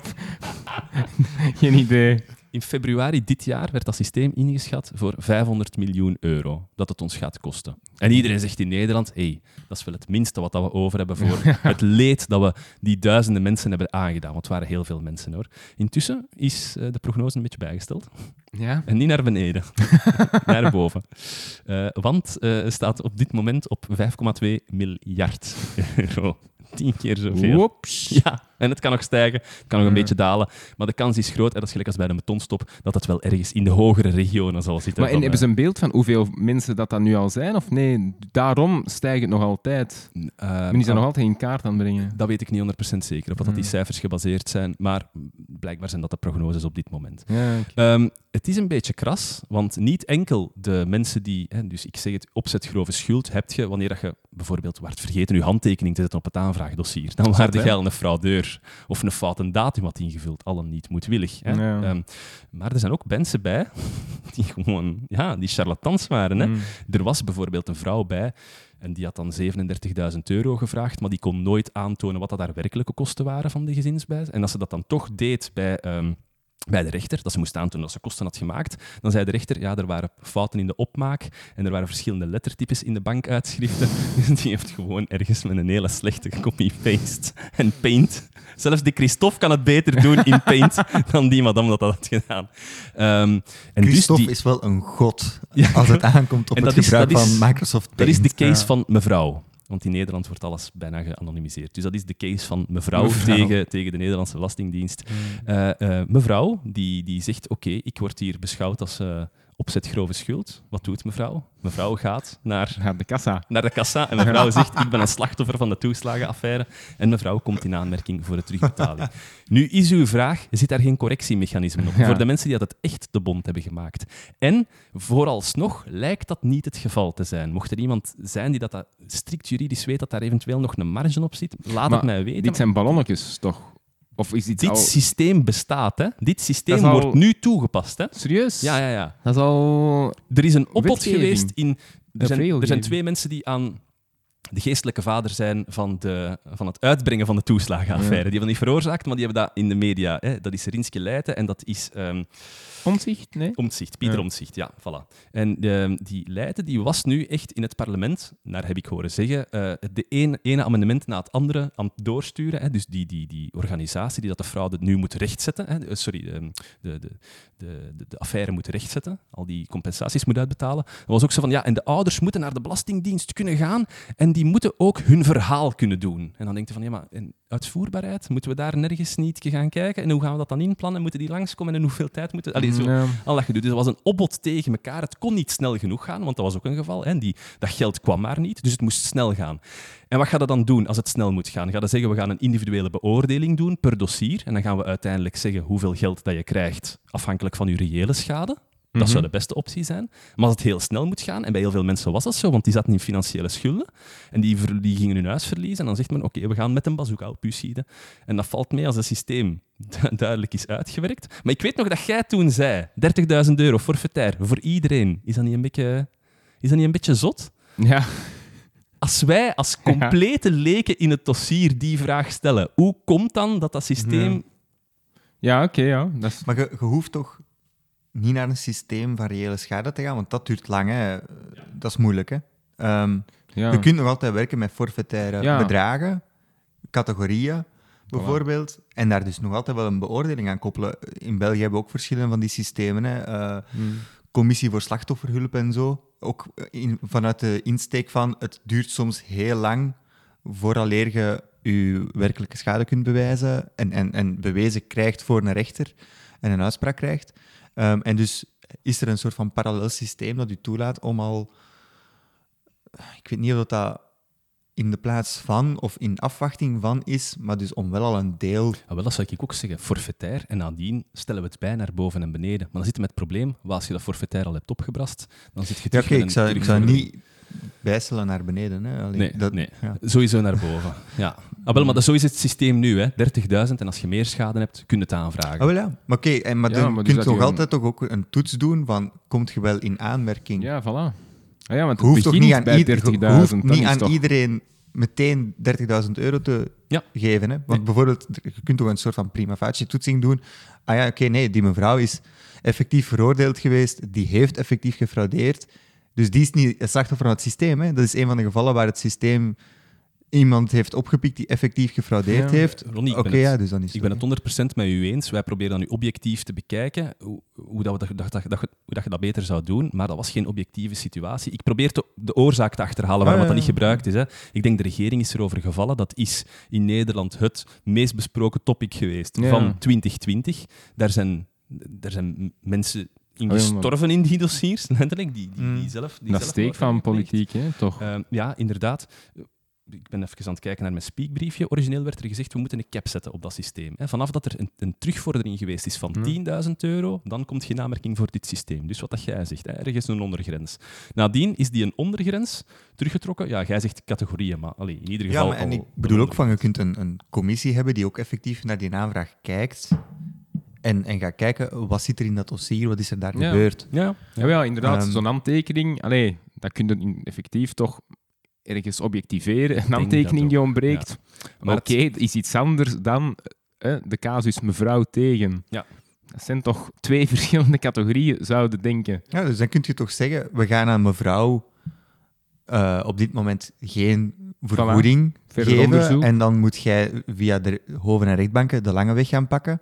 Ehm, en in andere gevallen gaan we dat wel doen. Dus daar kun je toch een schifting maken. Ja, ik ben het er volledig mee eens. En dat hadden ze ook moeten doen, maar dat is, niet, dat is te, te genuanceerd. Hè. Er moest een duidelijk Ja, ja, ja, politiek statement komen, waar dat ik het helemaal niet mee eens ben, hè, voor alle En duidelijkheid. wat zegt Dus- de publieke opinie daar? Allee, of de pers, of De- ik neem aan dat men daar de toch... pers is daar nog niet super hard mee bezig. De correspondent, ja. eh, Jesse Frederik is daarmee bezig. Ehm, dat is zo wat de, de watchdog. Dat is toch dat ook weer het probleem dat het dan niet wordt opgepikt Nee. door... Allee, Nee. weer inderdaad, Jesse Frederik, Ja. die ook de toeslagenaffaire zelf eigenlijk heeft, heeft eh, ontsloten. Ja, Ja, en heeft ontsloten uit het publiek. Maar dat dat dan weer niet wordt opgepikt door... Zwat, maar de VRT en, media, daar, eh, daar gaan we het nu niet over hebben. Daar gaan we het nu godverdomme. niet over hebben. ja, maar dat moet was er- augustus, denk ik. Ik moet, Ja. er, ik moet er nog een paar puntjes over zeggen. Dus origineel werd er gezegd vanaf 10.000 euro, dat is onze intrede. En nadien is dat Mhm. verlaagd tot 1500 euro. Dus vanaf dat er een terugvordering was van 1500 euro, dan, eh, dan kom je in aanmerking voor het Voor systeem van de 30.000 30.000 euro. Heel vaak was het ook dat er een terugvordering komt van een hoog bedrag. En Mhm. dan werd er gezegd, ja, maar ja, stel nu voor 40.000 euro. Hm. Eh, dat kun je niet in één keer afbetalen, dus er wordt een afbetalingsplan geregeld. Een maximaal afbetalingsplan afhankelijk van uw vermogen, van uw inkomen. En heel vaak werd er gezegd, twee jaar gaan we volledig in en na die twee jaar valt dat deel dat je nog moet betalen, valt dat weg. Dus heel veel mensen hebben die volledige terugbetaling niet moeten doen. Oké. Dat is, dat is in heel veel gevallen gekapt op twee jaar. En daar gaan we nu nog altijd met die grote bazooka op schieten van die 30.000 euro. Arme mensen worden hier dubbel genaaid. Zij werden al genaaid in het systeem van die toeslagenaffaire, want ehm, de, de, de, de toeslag dat je kreeg was inkomensafhankelijk. Dus rijke mensen kregen minder toeslag. Arme mensen krijgen meer toeslag. Dat was inkomensafhankelijk. Ja, ja. Dus dat wil ook zeggen, als er een terugvordering is, dat arme mensen een groter bedrag moeten terugbetalen dan rijkere mensen. Wat dat we nu zien, dat is dat, je, dat die 30.000 euro is een forfaitair bedrag. Dus de mensen die minder hebben moeten terugbetalen, zijn objectief gezien beter af met die 30.000 euro Ja, ja, ja. dan de mensen die meer moesten Ja, die, terugbetalen. die krijgen gewoon... 30.000 euro. Ja, en, en een kwijtschelding van keiveel schulden. Dat wel. Dat wel. Maar dus, Hebben we dat ook? Dat ook. Ja. Dat ook, ja. Dus de arme mensen, oké, de arme mensen nee, maar worden forfaitair genaaid met die 30.000 denk euro, maar hun schulden worden wel kwijt. Ja, ja, maar, dus Ja, maar dat is toch bijvoorbeeld, ook voor- ja, dus bijvoorbeeld mensen die eh, een schuld aangaan om hun universitaire studies te betalen, Ah, ook. En die- ja, ja, die na- sorry, die nadien- te die nadien dus ook een hoger inkomen gaan hebben dan iemand die geen universitaire, universitaire studies heeft gedaan, Ja. krijgt dan zijn Ja. schuld kwijtgescholden. Ah, maar dat zijn ook dan universitair, leen, universitaire lening. Dat is dan een, een, lening die ook aangaat bij de overheid. Of, Ja. of, Ja. Ah ja, Er is, ja, nu, ik niet. er is nu een heel... Ze zijn daar ook over bezig, over die universitaire leningen, dat ze die willen... ehm, willen ze die kwijtschelden? Of willen ze... Nee, ik denk dat ze iedereen die zo'n lening heeft, dat ze die 1000 euro willen geven. Had ik onlangs zien passeren. Ik denk dat dat zoiets is. Ik weet dat ik hier mij op glad ijs begeef, maar ik denk dat het zoiets is. In Vlaanderen wordt eh, ons studiegeld voornamelijk betaald door onze ouders. Dat is een soort van traditie, dat de ouders Ja, en- alles betalen en door van de overheid. Ja, maar ook gewoon, Ja. ja, onze inschrijvingsschulden zijn gewoon veel lager dan in Nederland. Ja, maar toch, ons, die zijn ook aan het stijgen, hoor. Maar, ehm, Wat is dat nu, 1000 Nu is het iets van een duizend euro. Ja. ja, bij ik- mij was dat nog 500 euro. Ah, wel, ik, weet, ik weet niet wat dat in... Maar in, in Maar in Nederland, Nederland is het- spreken we over Ja, ja. duizenden. ja. Ja, oké. maar in Nederland is het ook de traditie dat de kinderen zelf betalen voor hun... ehm, dus Johan wist mij dat ook te zeggen aan de VU. Die zei ook van... eh, eh, onderdak wordt daar ook vaak betaald door de, door de studenten zelf. Dus studenten hebben heel vaak bijbaantjes. Eén, twee, drie bijbaantjes. Dat is niet onvoorkomelijk. Dat is, dat is redelijk vaak dat dat gebeurt. Ja. Terwijl bij ons de studenten gaan werken voor hun, gel, eh, voor, voor hun bier. Hè? Dat is eigenlijk dat is heel, wat er heel vaak gebeurt als je ergens eh, zo'n jobje erbij pakt, is dat om s'avonds eh iets te kunnen gaan drinken met de kameraden. Dus die bouwen ook meer, meer schulden op en die kunnen da- daarvoor kunnen lening aangaan bij de overheid in Nederland. Mhm. heel veel van die studenten die zitten al met een schuldenlening. En die wilt men nu op een heel gedeeltelijke wijze gaan kwijtschelden en wilt men 1000 euro geven aan de mensen met zo'n studielening. En nu zijn er heel veel studenten die dat zeggen, maar oh, wacht eens. Ik heb, ik heb wel ooit drie jobjes gehad, net om niet in dat studieleeninggeval te Mm, moeten komen. juist, ja. En ik krijg nu geen 1000 euro. Ja. Dus, en, en, maar dat is iets wat dat in Nederland heel vaak gebeurt. Dat is slachtoffers van slechte wetgeving. die worden vergoed. Dat, dat is iets, dat gebeurt heel vaak. De, de, de, de, de soldaten van Dutchbed hebben bijvoorbeeld ook geld gekregen, forfaitair bedrag van de overheid. Ehm. Die zijn nu niet het slachtoffer van slechte wetgeving, maar andere voorbeelden springen mij nu niet echt... Allee, ik heb ze hoor, maar...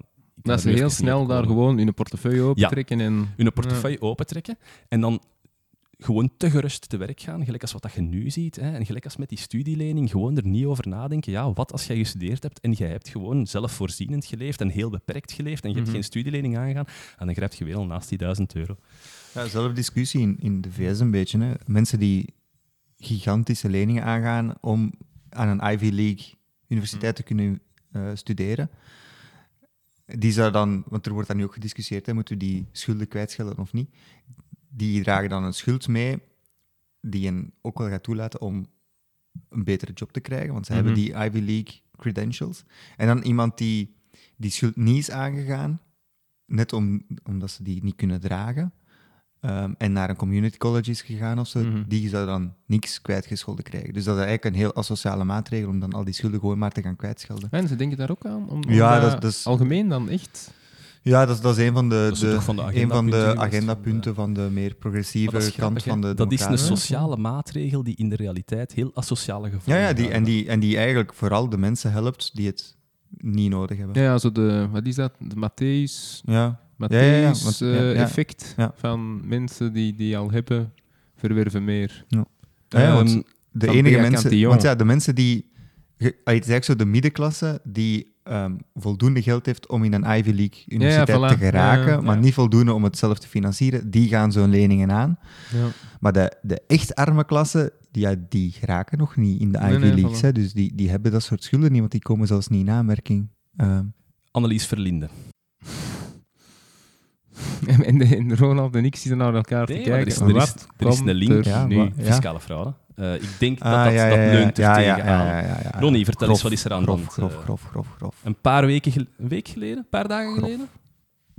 Ja, weer hetzelfde verhaal. Hè. Een opbod van we gaan... eh, Allee, eigenlijk een beetje wat dat er daar in Nederland gebeurd is. Hè. Ik denk, Nederland is een voorbeeld van de uitwassen die je krijgt van het soort van stoere opbod om ter stoerst tegen Hmm. sociale fraude. En dan tegelijkertijd fiscale fraude, daar kijken we niet meer naar. Eh, dus eh, Annelies Verlinde, minister van Binnenlandse Zaken, heeft eh, net het agendapunt voor, voor eh, Openbaar Ministerie bekendgemaakt. En ehm, de strijd voor fiscale fraude zit niet meer in de prioriteitenlijst. Dus dat gaan we niet meer met prioriteit bekijken. Maar wat zit er wel in? De war on drugs, wat dat iedereen weet dat een goed idee is. En eh, sociale fraude. Sociale fraude gaan we nu harder aanpakken dan eh, fiscale fraude. Want dat is wat dat wil zeggen. Hè? We gaan Mhm. het harder aanpakken. Allee, Ja. we, gaan onze, we gaan onze pijlen erop richten. En heeft ze daar al een uitleg voor gegeven? Ik, ik, ik heb dat niet Of- gevonden. Nee, ik, eh, heb dat niet gevonden. Wat is daar- gezien, maar- Maar Maar de, uitleg is omdat om de een of andere reden eh, vinden mensen sociale fraudeurs minder sympathiek dan fiscale fraudeurs. En ik, Daar valt ik iets, snap dat. ergens niet valt daar goed. iets over te zeggen. Ja, maar er wordt altijd gezaagd over die en dat een werkloosheidsuitkering krijgt als soort van ja, de, hangmat. Eh, Ja, maar dan het feit dat onze voetballers ja, ja. Ja, ja. ja en ook, een, allemaal ook, een, Monaco. ook een fiscaal voordelig statuut hebben ja, ja. Ja, eh, en met miljoenen gaan lopen, dat vinden we dan normaal. ja. ja, dat is... Allee, Het, maar, maar dat, is, dat is iets... Dat is iets... dat, zij, dat, dat zijn zij nemen- entrepreneurs. de, sociale, de sociale fraudeurs nemen van ons af en de fiscale fraudeurs geven minder aan ons. En ge- minder geven voelt minder onrechtvaardig dan meer nemen. Ik denk dat Ja, dat dat is zoiets is. Ja, maar dat is bullshit. Hè? Ik weet dat dat bullshit is, Ja, Ronnie. Ik weet dat maar- dat bullshit Ja, maar is. dat is hetzelfde als er juist met uw bed. Het feit, hè, ligt hem er al in, de, de, de, Ah, ja, de patiënt, Ah, de, ja. de patiënt eh, vaccin, weigeraar eh, en gevaccineerd, Ja, ja, ja, hij ligt er al in, of hij ligt er nog niet in. Dat is eigenlijk krank dezelfde situatie, maar, Maar het dat voelt, helemaal Ja, anders. De perceptie is helemaal anders. Ja, maar ik... Bijvoorbeeld, ik, in heel die discussie over ehm, dat soort dingen van subsidies. Subsidies vinden we erg, want dat zijn dan profiteurs. Maar dan tax breaks vinden we niet erg, want dat zijn incentives.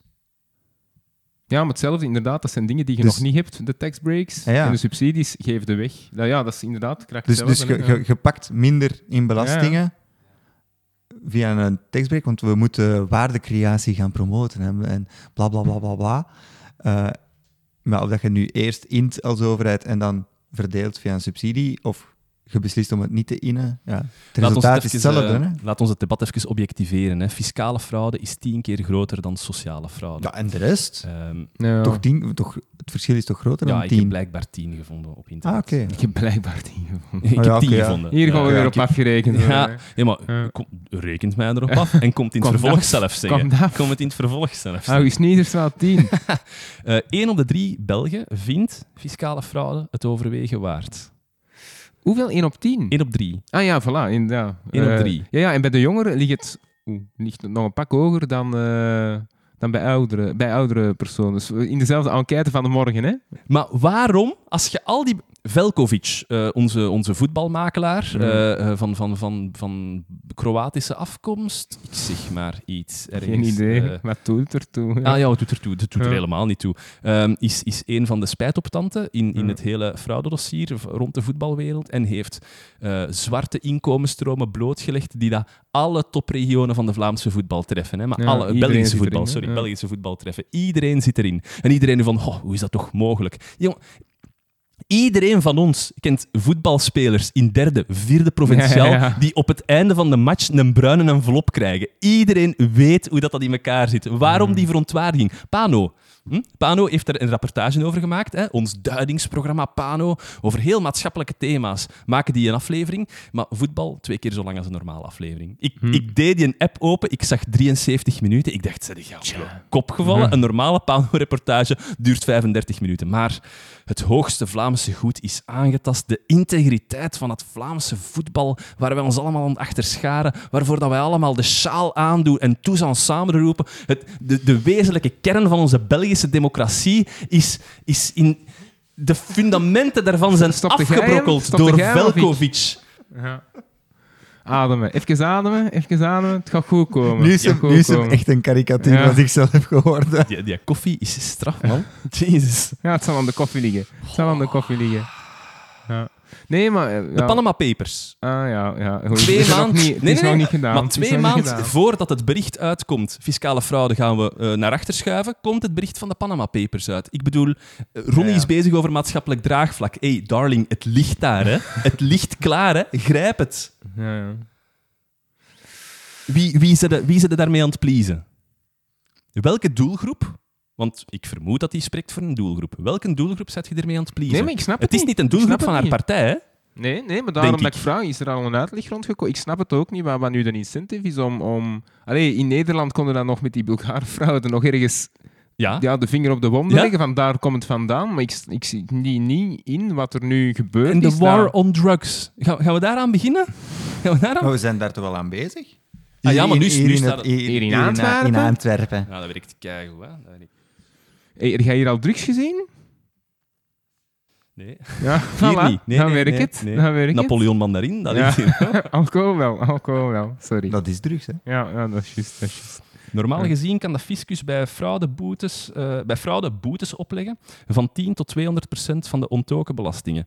Maar dat gaat over bedragen van minder dan 2000 euro, zijn er geen boetes. Meer nog, dat bedrag is niet zo lang geleden opgetrokken. Het lag eerst op Je moet gewoon aan het 750 euro. lezen uit de morgen. Hè. De reden was dat het al in jaren nooit was geïndexeerd. Zo geven je als overheid het signaal dat kleinschalige fraude wel wordt getolereerd. Maar dat vind ik wel. Dat vind ik echt een, een probleem. Dat, want wat wij nu weer doen is, hè, wij kijken naar de mensen die meer verdienen dan ons. Om verontwaardigd te kunnen zijn. Hè, van, en, en kijk, en die fraudeurs, et cetera. Terwijl dat ik vind, allee, ook kleinere spelers op kleinere schaal dan fra- allee, frauderen niet, of maar misschien ontwijken wel belastingen. En daar wordt... Ja, ja, ja, ontwij- ja oké, inderdaad, dat mag. Hè, ontduiken mag. Zeg, heb jij mij een koffie gegeven met een oude capsule? Ont- Dat is echt... Dat is... Dat ja, is dat is de Ronnie. ik zie er hier door. Ik ben precies thee aan het drinken. Hup, ik, Ah, ik sorry, ben sorry. bezig en, en het... Het zal, het zal mijn probleem zijn. Zeg dat tegen de Nespresso-machine Sorry, van de, van Hey, de hey, PE, dat is goede dat is goeie, eh, dingen. Dat is een goede capsule, denk ik. Allee, ik weet niet wat dat jij er hebt ingestoken. Ja, nee, sorry. Nee, nee. Ah, wel, maar dat wij zo de neiging hebben van... Er is altijd wel iemand boven ons waar dat we eh, ehm, verontwaardigd over kunnen zijn. Maar moeten we ook niet naar onszelf eens kijken? Een anekdote, dat doen we hier toch. Hè? Ik zat met een, met een persoon eh, na, na, ja, Mannelijk of vrouwelijk, ja, laten we het ja, midden. ja, ja, want je weet nooit dat hij of zij iets luistert. Met- na, na een bepaalde sport, eh, sportprestatie, sportevenement, zaten wij op een terras. Zaten wij op een terras. En, hij- en, ja, en, en hij of zij is eigenlijk... Hij of zij is heel tof. Hè? Een heel, heel, heel tof. PG. Maar, maar, Maar is bezig over hè, van ja, en belastingen en, en ik probeer er toch af en toe eens iets. Hè. Je moet, en je weet dat om de tien jaar krijg je dan eens een controle en moet je x aantal opleggen, maar dat is nooit, dat staat niet in proportie tot wat je eigenlijk in de zak hebt geschoven. En dan denk ik van, en, en eerste reactie ook van mij is dan, oh geweldig, goed, goed, goed, en we drinken er nog Is dat op. je eerste reactie? Ik zou echt zeggen... Ah, wel, maar que je terwijl, terwijl, dat je eigenlijk, terwijl dat je eigenlijk, die persoon, hij of zij, is De er aan het zeggen, innerlijke Stevie wordt Ja. dan wakker. hij of zij is aan het zeggen, ik ben alle, eigenlijk allemaal aan het bestelen. Ja, ik ben hier allemaal eh Ellen in het zak aan het zetten. En goed, you. hè, goed, hè, fuck you. En dus, maar dat is niet de reactie die het uit, terwijl Nee, dat inderdaad, nee, dat is waar. terwijl dat je de perceptie daar dan wel veranderd is van dronken rijden of zoiets. Vroeger was dat ook normaal. Allee, dus ik denk, zitten we niet ook een stuk met een perceptieprobleem dat we dat veel te vaak tolereren. En, en dat we het dus veel te vaak wel afschuiven op. Het zijn, het zijn de rijken en, en de Panama Papers. Hè, dat, zijn, dat zijn eh, slechte mensen of wat dan ook. Ja, maar en Ronnie, eh, eigenlijk niet naar onszelf durven, durven kijken. Ja, maar Dat- leg, leg mij een keer uit hoe dat ik met, ehm, als ik werknemer ben, Ja. hoe dat ik met een werknemersloon, vast werknemersloon, kan frauderen. Dat is niet zo simpel, hè? Al Nee, nee, mijn nee. attesten die dat ik krijg, de Belastingdienst heeft die al. Hè? Ik moet niks meer invullen op mijn belastingdienst. Alles staat is- daarin. Maar ja, oké, maar dus uw kuisvrouw of wat, dat, wordt nu beter en beter, denk ik, met dienstencheck. Nee, nee, ik, ik zeg niet uw kuisvrouw, Ja. maar ik bedoel, een, eh, sorry, eh, hygiënisch verantwoordelijke of wat dan ook, kuisvrouw Poetshulp. is eigenlijk, ja, poetshulp, sorry. Ehm, ik zou kunnen zeggen, ik knip het eruit, maar dat gaat het toch niet doen. Een poetshulp. Of, of iemand, eh, een loodgieter, wat dan ook. Eh, Denk ik dat wij nogal snel geneigd zijn Ja. om mee te stappen in het verhaal van we doen het zwart. Terwijl dat we eigenlijk daar toch de. Ook eh, bijvoorbeeld eh, in de advocatuur Prodeo bijdragen. Hoeveel keer dat ik hoor. Ah, Prodeo bijdragen, eh geef er niet aan, hè? Dat geeft er niet aan. Of dat ben ik vergeten, of waaronder jij trouwens. Ik ben dat Dat ben ik vergeten. Ben wink, wink, vergeten. nudge, Nee, nee, nee. Ik ben dat echt Nee, nee, maar oké, van u geloof ik ben dat. echt Maar Is al verjaard? maar ik heb dat- niet? Dat is dat niet veel te zeggen, maar... Nee, dat heb ik dat al honderd keren gehoord En van mensen volgens mij wordt, gaat zijn. dit effectief geknipt worden. Nee, nee, Nee, maar ik heb, dat, ik heb dat veel gehoord van, ah, dat ben ik vergeten. En dan stikt er natuurlijk volle pot hè, in, uw, in uw zak, terwijl dat anders ongeveer de helft of, of 45 procent. Maar dat zijn allemaal wel Sorry, dingen... ik kom erop terug. Is dat al verjaard of nog niet? Want anders moet ik het eruit knippen, hè? Ja, pak dat verjaard is. Er luistert toch niemand. Nee, voilà. Nee, nee, maar dus dat, dat ik denk van, moeten we daar toch niet kritischer zijn op onszelf? Want we zijn denk ik wel snel geneigd om mee te stappen in de warmste week. En daar, dat is ook wat, wat dingen zegt. Hè. Ik ben eigenlijk nu gewoon het discours aan het herhalen van Rutger Bregman. Eh, die, die, eh, in Davos, eh, we, we, we, we lopen op over, over goede doelen en we voelen ons daar goed bij. Maar eigenlijk, het is Texas, Texas, Texas. En daar moet het over gaan. En, en laat ons daar eens mee beginnen met dat correct, correct te doen. oké. Maar dus, ik vind wel... Je zit wel met het probleem, vind ik... Zo die kleine fiscale fraude... Ik heb, is- nog, ik heb nog een rent. Het is ook gewoon, nog een hoe, hoe meer Ja. dat je hebt, hoe creatiever dat je kunt zijn om het allemaal legaal te fixen. Ja, ja. Dus dat, is het ding. Een, simpele loodgieter, de enige manier dat die eh, zich kan eh, fiscaal optimaliseren, is door het in het zwart te doen. Ja, ja. Als jij een BV hebt en weet ik veel, en, en, en managementconstructies en, en aan- betaald wordt in aandelen en, en al die toestanden, dat is allemaal legaal. En dus dan is dat, valt dat niet onder dat bedrag van Nee, fiscale fraude, maar het resultaat is hetzelfde. Hè. We worden genaaid. Hè. Ja, ja, ah, wel. Dus, en dus dat, dat, dat dus, is erger. Dus dat, dus dat is die, ja, dus dat niet fiscale fraude, maar het resultaat is wel dat je als maatschappij keihard genaaid bent. ja ah, wel, inderdaad. En, en dat is eigenlijk erger dan En gewoon de loodgieter. En dat dan de loodgieter zegt, ah wel, fuck deze. Ehm, Ah, wel, maar als, daarom, die is mannen, als, die mannen, als die mannen het allemaal legaal kunnen, dan ga ik er ook Ja, ja, een paar kantjes van afrijden. Oké. Ja, daar geef ik u gelijk in. Nee, wat ik nog wou zeggen, ook een discussie die ik eh, enkele weken geleden heb gehoord. Eh, toen ging het over de bussen in het bijzonder onderwijs. Eh, Mm. dat die soms drie uur moeten rijden, Langer. s'morgens of langer, en dan nog eens drie uur terug. Wat uiteraard compleet onmenselijk is. Maar dan verschillende mensen die dan zeggen, en het is een schande, en eh, er zou meer moeten geïnvesteerd worden, meer bussen, meer chauffeurs, whatever, of meer scholen dichterbij. En dat ik me dan altijd afvraag, de mensen die die discussie aan het voeren zijn, en zou nu eens iedereen die hier geen belastingen heeft ontweken, willen rechtstaan en de rest zullen smoel houden. En we zullen niet zien, we zullen niet zien. Ja, maar nee, maar ik vind dat dan altijd van... Hè, en het is schande dat er... Ik bedoel, ja... Allee, ja, nee, daar, daar, opnieuw, Maar dat is, het, daar dat, is krijg het, ik dat, is dus... het, dat is het punt van onze vorige podcast. Wij mogen meer overheid verwachten en wij hebben daar af en toe recht op, maar dan gaat het u geld kosten. En dan is het niet aan u de bedoeling om te zeggen, ja, maar ik toch liever niet. Ja. Ik het toch liever niet. Ja. Nee, iedereen. Kom. Ja, oké, maar dus dat, dat is het ding iedereen. Hè. Ja. Maar dus ik denk, Is er een prijs voor Er de zijn- meest socialistische podcast? er zijn wel... ja, daar moeten we het ook nog eens over hebben. Godverdikke, geen ene bijvoorbeeld nominatie. het feit dat eigendom amper belast wordt Ja, en, ja. en Oh, inkomen dat keihard dat belast wordt. Ja, dat Da- is inderdaad... allee, dus dan, ja. dan is het geen fraude, maar het gevolg is wel Ja. dat je bepaalde groepen keihard ontziet. Ehm, ja, ja, klopt. en en, Klopt, en geef ik toe. ja, die plukken dan de vruchten van, eh, Maar er zijn twee dingen die het- dat... de manier dat het ons fiscaal systeem in elkaar steekt. Er zijn hier twee dingen die dat botsen. Hè. Ehm, dit lijkt geen logische maatregel en Annelies Verlinde is niet achterlijk. Ehm, dus dat wil zeggen dat er ergens Mhm. een, een, een ratio voor moet zijn. En die heeft ze mij nog niet uitgelegd. Dus, Annelies, zeg het als je... Neem, neem contact op Neem met contact ons. op met steven.verbijst.be op en zeg waarom je dat... Ja, maar dat, dat is heel vaak... Allee, wij kunnen daar verontwaardigd over doen. Is- de fiscale fraude op? Is op. Is op? Is, is opgelost. Nee, maar dus dat is ook het ding. Hè. Eh, het is, Of is er te veel sociale fraude? Het kan het- zijn. Nee, maar het kan is, zijn, ik denk hè. het is makkelijker om sociale fraude aan te pakken. Ja, maar er- het verdient minder- meer om minder- fiscale fraude aan te complex. pakken. Ja, maar dus allee, al die, bijvoorbeeld die recente, de, Panama Papers. ja, maar nee, er was zo een dading gesloten over het laatst, eh, ook over Ja, belastingontwijking. ik heb- Ja, onmiddellijke schikking is dat Ja, zeker. Ja. Ehm, ja, ja. 300 miljoen. Maar dus omdat het gewoon te, te moeilijk is, we, we geraken Ja. er niet meer aan uit, we, we krijgen dat niet meer gebolwerkt. Eh, het is te moeilijk om die echte grote fiscale fraude aan te pakken. Dat, het, we- Omdat er ook we, van advocaten... we krijgen dat niet binnen de redelijke termijn Ja. ehm, voor een rechter. We- dus we kunnen dat niet, Ja, we en- krijgen het niet gebolwerkt. maar hoe, hoe gemakkelijk is het dan om sociale fraude? Dan moet je in de tuin van iemand gaan liggen of dan moet je iemand zijn Facebook gaan controleren. Dat is, dat is toch ook niet super gemakkelijk? Ja, maar die dossiers zijn veel minder complex. Hè? Ja, dat is wel waar. Je zit daar niet met constructies, je zit daar gewoon met iemand dat met een Dodge Ram rondrijdt terwijl dat hij op een uitkering staat. Dat is gemakkelijk. En dat zijn dat soort mensen dat met een Dodge Ram rijden. Voilà, ik heb het hier gezegd. Je hebt geen reden om met een Dodge Ram te rijden. En nog eens iets.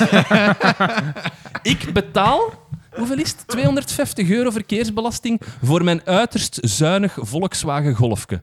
Een diesel weliswaar, maar de overheid heeft mij tot heel kort gezegd dat diesel de absoluut pre- eh, te prefereren keuze was. Dus ik volg de overheid. Daar kan ik niet in, eh, niet in worden eh, beoordeeld. En dan die mensen die daar rondrijden met een auto, met een V8 of met een V10 en die dat de achterbank platleggen, Ja, waardoor het lichte vracht wordt en plots fuck all Ja, ja, en belastingen en betalen. dan- en Leg zit daar- mij dat eens En dan zit daar zo een mini-hybride motorje in, waardoor dat Een- dan een AA-batterij. Zo, zo gezegd...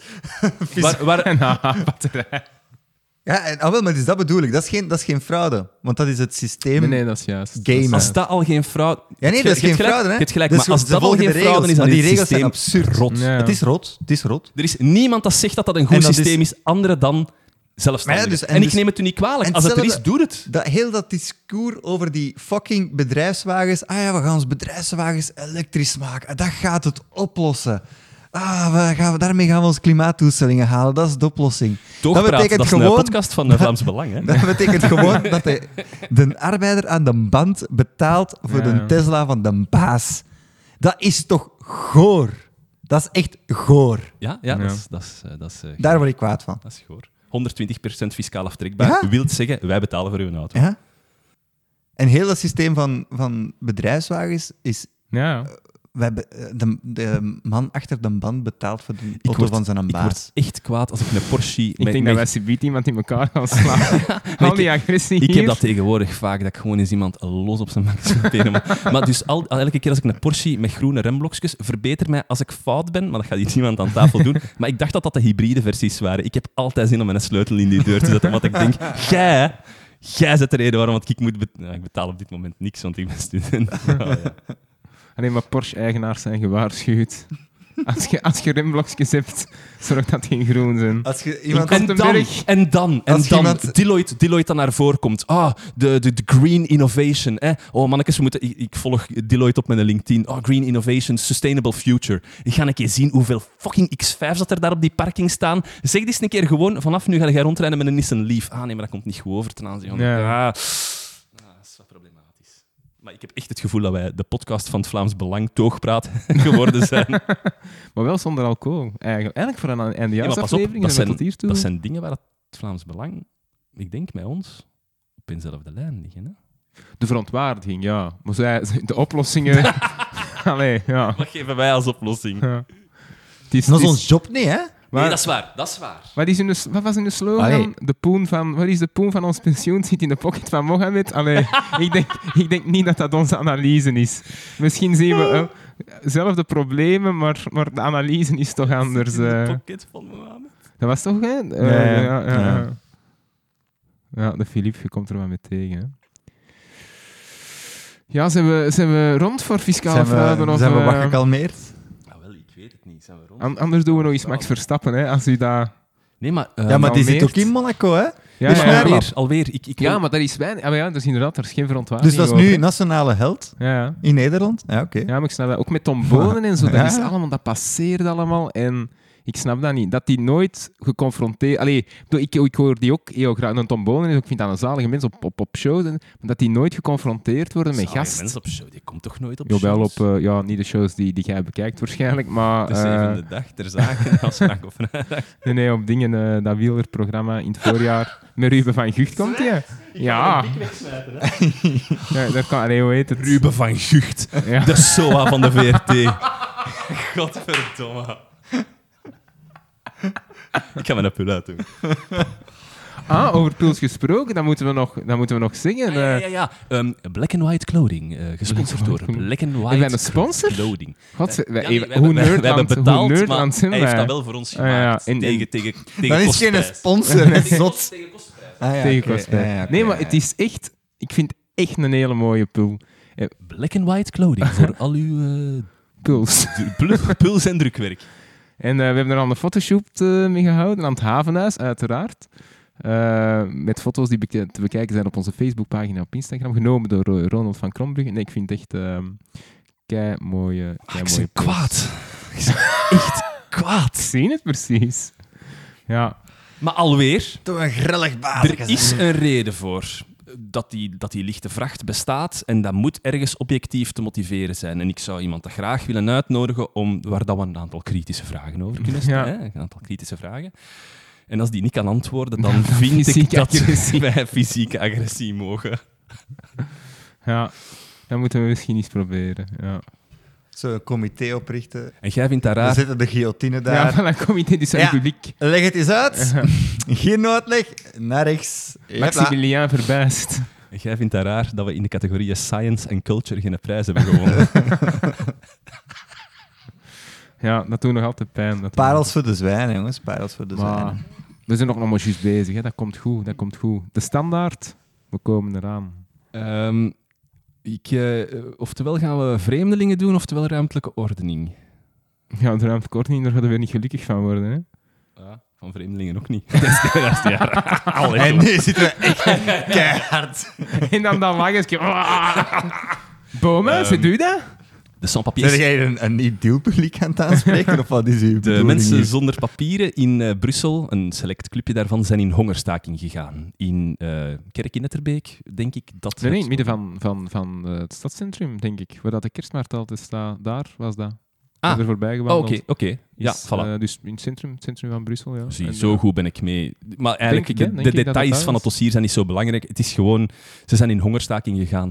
Verontwaardiging. Hoe moet Sami Medi, minister van Asiel en Migratie, hoe moet hij daarmee omgaan? Staatssecretaris. Staatssecretaris? Ja. Ja, staatssecretaris. Hoe moet hij daarmee omgaan? Mister Democratie? Goh, sereen mee omgaan, omdat dit is echt een... Het gaat over mensen uiteindelijk. Hè. En, Ja, ik, en ik denk... eh, ik- het werd, een maar, maar nee, maar het werd, op den duur werd het een soort van manier voor Sami Medi om zich weer stoer te gaan opstellen. Wat En- altijd en- helpt, hè. en- Wat en altijd dat- scoort. En, Ja. en, dat In vond België. ik, en dat vond ik... De post van Spijtig. Asiel en Migratie is een, een, een katapult naar de... ja, zie Magie de Blok, zie Ja, ja. Theo Franke. Maar het is altijd op de kap van, van heel kwetsbare mensen. Hè. Mensen die geen stemrecht hebben, hè. Mensen die, als je Ja, die ja. verliest, don't care, hè. Don't Ja, ja. care, hè. Dat is pervers. Oh, moet ik nu degene zijn die dat gaat zeggen? Ja, oké. Eh, wat is het nut van zo'n hongerstaking? Sorry, allee... eh, Nee, nee, maar inderdaad, dat, dat is een Nee, maar andere dus- vraag. Maar hoe dat je in het debat stapt, is wel... Ah, ja, ja. Al die Ja, ja, oké, mensen, dat zijn... Je wilt voor geen geld ter wereld in die mensen hun schoenen gaan Nee, staan, want dat hè. is dingen. eh, Die, geld, men- die, geen die geld, mensen hè. hebben. Dat zijn allemaal die, keischrijnende die mensen verhalen, hebben hè. geen stem. Ja. Die mensen hebben geen enkel drukkingsmiddel. Het enige drukkingsmiddel dat zij hebben is hun eigen lichaam. Ja, maar nee, nee, een woke... Nee, nee, maar dat is nog iets anders Wat verwachten dan... dat we doen? Wat Nee, nee, maar dat is Nee, nog nee, iets maar dus- anders. Ah, ja, iets dat is het anders. gegeven. Ja, dat dat is is iets het anders. Maar Ja, dus ja, dat is- ja, dat is- ja, oké. Die mensen, ja, oké, ze zijn aan het eind van hun Latijn. Ja.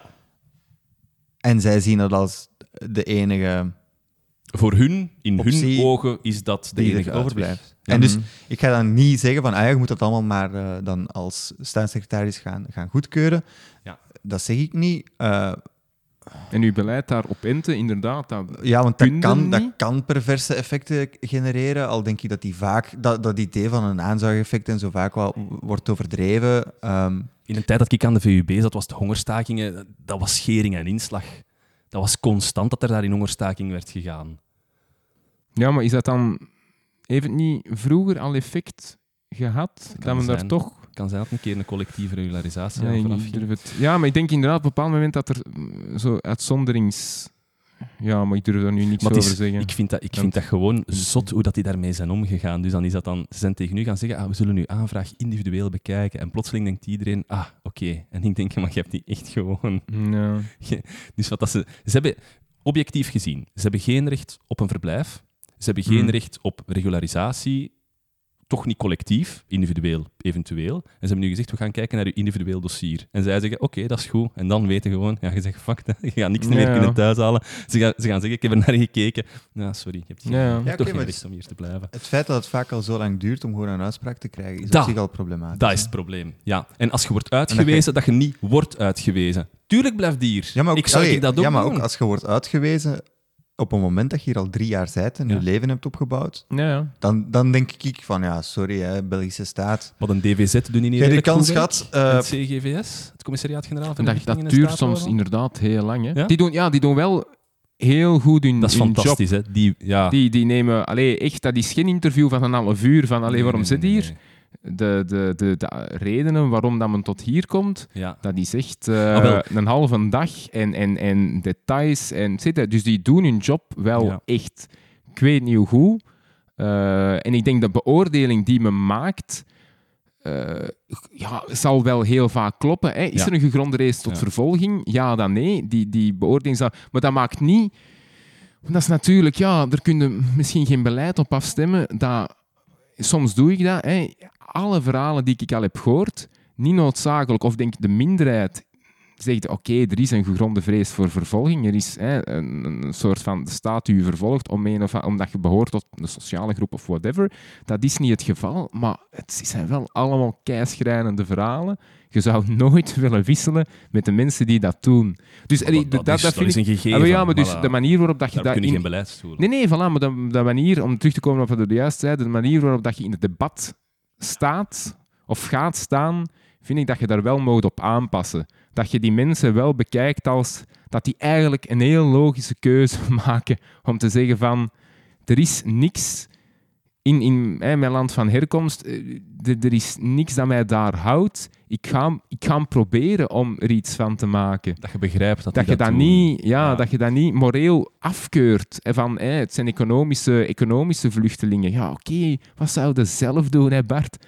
Allee, hè, of, of een andere NVA-politicus, whatever. Ik dacht over welke Bart Ja. gaat het. Eh, Eh. maar er is inderdaad... ehm, ik ga even terugkomen op wat dat jij zei. Als we wind uit de zeilen van, de, van het Vlaams Belang kunnen halen, dan, dan, dan wil ik het graag doen. En een van de dingen is... ehm, Nu zijn je doelpubliek terug kwijt, hè? Nu dat je dat maar, hebt dat, maar het is Maar slaan, slaan zalven. Dat is, dat is het spel van verleiding, Ah, ja, Dat is het spel van verleiding. Good cop, bad cop. Ehm, eh, en, en, en een van de dingen is, ze zeggen altijd, ja, ehm, die komen hier toe en die hebben hier recht op van alles. Ja, oké, maar niet iedereen, niet iedereen krijgt hier recht om hier te blijven. Hè. Dat zijn de schrijnendste, de schrijnendste gevallen die, als ze terugkomen, op de luchthaven worden opgepakt door de politie, in een folterkamer worden gestoken en waar je niks meer van hoort. Of een ander geval, die dat teruggaan naar de stam waar dat ze vandaan komen, of het land waar dat ze vandaan komen, waarin dat er heel veel geroddeld wordt, wat dat blijkbaar in sommige landen echt wel het geval is, die meteen worden getraced door de familie hè, waar dat die zit en die dat dan gewoon worden vermoord. Dat zijn Mm. zaken die dat gebeuren. En het CGVS, die, die, die, dat zijn echt, die weten alles van een bepaalde regio. Die Mhm. kunnen jij geen leugen vertellen, die weten dat. Dat is, dat, dat is precies of die daar geleefd hebben in dat land. En Ja. vaak is dat ook het geval. Hè. Die, die Dat zou gaan me daar... niet verbazen. Ja. Ja. dat zou me niet verbazen. Dat die, ja. Dus de mensen dat die recht krijgen om hier te blijven, die hebben dat recht ergens gekregen. Nu, een andere vraag is, moeten ze dat recht hebben? Het is internationaal gewaarborgd. Vlaams Belang zegt, we moeten, we moeten die internationale rechten... ja. En ze hebben daar weer al geen antwoord. Hè. Dus dat, dat is, dat- je kunt daar niet eens discussie over aangaan. Nee, maar allee, om terug te komen op... op ja. Maar ik denk ook, een van de problemen is dat er gewoon, denk ik, heel veel, hoe moet je dat noemen, urban legends rondgaan Ja, ja. over welke rechten Ja. samenhangen met dat statuut van vluchteling. Allee, eh, mensen Mm. denken van dat die dan automatisch een, een, een, een woning krijgen, et cetera, en, en al die, dat soort toestanden. Alsof dat die dus een soort van geprivilegeerd statuut hebben Ah, ja, dat hen dat niet? meer rechten geeft dan... Ah, nee, zo. nee, je krijgt hetzelfde. Hè? Ja, Ja, maar je krijgt, wel een, je krijgt wel een sociale woonst. Dat krijg je Nee, wel. nee, je hebt recht Ja? op een sociale woonst. Ja? Op de, onder dezelfde voorwaarden als... Ja, ja, ja. oké, ja. Als Ja, een burger. Dat is juist. Maar dus het, het is precies zo van, het wordt hen allemaal dan gegeven eh, en wij krijgen niks. Ja, nee, dat is het niet. Hè. Zij hebben recht op gelijke behandeling. Ja, ja. Oké, ik, heb het, ik heb het nu een beetje te ver getrokken van, eh, van de papiers waar we het eigenlijk over hadden. Vind je dat Sami Medi daar goed mee is omgegaan? Maar nee, ik vind ehm, dat, dat er, er was wel echt gewoon een periode waarin dat wat gorilla-achtige toestanden was. Ronnie Borst- klopt op de borst. borstklopperij ehm, van kijk eens hoe stoer ik ben. Ik, ehm, ja. Dat is voor de ik, blinden ik, ik en de laat, ik, slechtzienden. laat, ik, laat, ik laat mij niet doen, eh, ik laat mij niet onder druk zetten. Ehm, doen. Ja. Lichtje aandoen. terwijl uiteindelijk is de oplossing, denk ik, sereen van gewoon proberen ehm, het even te ontmijnen en die acute situatie proberen die mensen daaruit krijgen en even terug een, een, uitzicht geven op iets. Ehm, maar dus ik vind het spijtig dat dan eerst weer twee weken onderstoerst was. Ja. Maar inderdaad, die procedures moeten... Dat moet toch kunnen dat je binnen een half jaar... Oké, ik weet natuurlijk niks van de instroom. eh, instroomcijfers. eh, en, en ze doen hun werk grondig, CVG's. Dus het is niet dat dat maar een half uur kost. Hè. Dat is waarschijnlijk aan zo'n case er jij een hele week bezig. Hè. Je moet dat interviewen, je moet dat allemaal checken. Ja, maar dat is de Dus- conclusie van onze podcast. Die mensen doen hun werk goed, maar er zijn er te Te weinig. weinig, voilà, voilà. Maar dus dat zou men toch moeten op Europees niveau kunnen bewerkstelligen dat die procedures vlotter, vlotter lopen, dat die sneller lopen en dat men, ja, inderdaad, allee, als jij uitgeprocedeerd bent, dat je ook Ja. effectief het land verlaat. Ja, maar oké, dat is ook vaak het ding. Hè. Je kunt uitgeprocedeerd zijn. Maar er is dan geen, onder, eh, geen eh, bilateraal verdrag Ja, met dat ja, land. En dan kunnen ze Ja. niet terugsturen en dan, dan Ja, en ook, en ook, hier. en en ook dan- sommige landen, ja, Noord-Roemaan, je kunt ze niet terugsturen gewoon. Hè. Je mag ja, ze ja, niet oké, terugsturen. ja, ja, ja, ja. Dat kan, dat kan zegt nu dat er sommige dat landen zijn waar dat je echt niet naar mag terugsturen, omdat er dan... Nee, non-refoulement wil gewoon zeggen, je mocht niet terugsturen. Ja, je mag niet terugsturen naar een land waar dat er eh, gevaar Ja, bestaat ja. op Ja.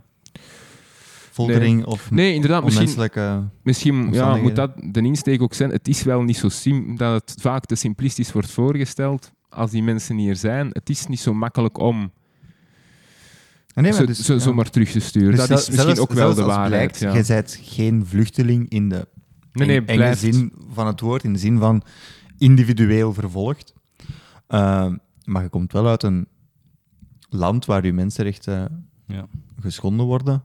En allee, Ja, maar als je... Als dan kun je die niet zomaar... Allee, Afghanistan, zelfs als iemand niet vervolgd wordt door de Taliban, kun je nu toch mensen niet op vliegtuig maar naar voor de Afghanistan mensen zetten. De mensen die Waar ze in economisch- hongersnood terecht gaan komen. Maar de mensen die economisch geluk zoeken, kun je wel terugsturen. Dat, dat, dat moet... Ja, Ja, dus inderdaad. Als- als u- uw aanvraag wordt van de geweigerd- context, afhankelijk van de... Ja, ja, en afhankelijk daar zou de inderdaad ook meer, meer begeleiding misschien om, omtrent moeten zijn. Om die mensen niet gewoon een terugkeringsbevel, dat ze dat nog niet kunnen lezen, in het Nederlands te geven, maar dat ze inderdaad dat omkader van oké, je gaat nu terug en wat gaat je daar doen? Wat is, dat, is- dat er een mogelijk plan al is voor die mensen. En niet gewoon bye bye, Wat staat daar trouwens in, in zo'n terugkeringsbevel? Dat is echt gewoon een brief waarin dat ze zeggen aanvraag geweigerd, Artikel- het land te verlaten. Ja, en dat is dan Dat staat. artikel... Ja, ja, en dan... Eh, conform alsof- artikel 39 slash 4, vierde lid van de Vreemdelingenwet. Een herinnering van de watergroep is dwingender dan Ja. een bevel om het grondgebied te verlaten. Ja, ja, dat is zo. Dat is zo, ja. Dat is geen bevel, hè, dat is een papiertje dat je krijgt. Ja. Maar, en, en wij zijn gisteren naar de, een klein beetje eh, samenhangend, we zijn gisteren naar de Red Star Line eh, Museum gegaan. Ik ben daar helemaal geen fan van. Nee. Dat was niet goed, maar zwart. eh, het was eigenlijk een, een immigratiemuseum in plaats van een rederijmuseum. Maar los daarvan, de verhalen dat daarin voorkomen, eens dat je in je eigen, de, eens dat je de stap al hebt gemaakt, ik steek de oceaan over, ik ga daar opnieuw beginnen, zijt je al heel ver in een gedachteproces. En dat gedachteproces gaat je niet keren door iemand een papiertje te geven waarop dat staat, gelieve alsjeblieft het grondgebied te willen verlaten. Dat doet je niet. Je hebt Nee, nee. houden en hebben ingelost voor een nieuw bestaan. Dat wordt u niet gegeven. En zonder dat je daar recht op hebt, dus daar op die, over die beslissing kunnen we niks zeggen. Maar wat er daar daarna gebeurt, dat is fout. Ja. En dan gaan die in de criminaliteit en dan krijgen ze van die verhalen gelijk als niveau 4 in de, po- de politie in Gent ook vaak. En dan zeggen ze, ja, dat is mensen zonder papieren, daar kunnen niks mee doen. Hè. Dat is, die hebben niks. Hm. Als mensen niks te verliezen hebben, Ja, ja. dan, dan hebben ze echt niks te verliezen. En dan wordt het schraal. Dan wordt het echt Dan schraal. wordt het, dan wordt het dip. Ja, nee, nee, dat klopt. Dat klopt. Ja. Er is in juli dit jaar ging er een regenbui over België. Letterlijk en figuurlijk. Ik denk... eh, Of moesten we nog een advies aan de regering denk- geven? De Sorry. Ronnie, de Ronnie gaat er nu over uitweiden. Of wat? Ik zie, ik zie u kijken Ja. naar de Ronald. Nee, of moesten we een advies aan de regering formuleren? Eh, als ze dat willen, ze Wat kunnen is- ons contacteren. Ah, ik dacht nu. Ah, gaan we nu... Wat is eh, nu het advies aan de regering? Nee, het probleem was dat stil niet één ding, een advies. Ja, maar ik denk dat we daar ook eens een gesprek een aspect, moeten over een hebben. aspect met- dat we nog niet hebben behandeld is Europa. De rol van Europa in heel dit Ah, verhaal. dat weet ik niet. Ik weet niet wat welke Allee, Europa bijvoorbeeld...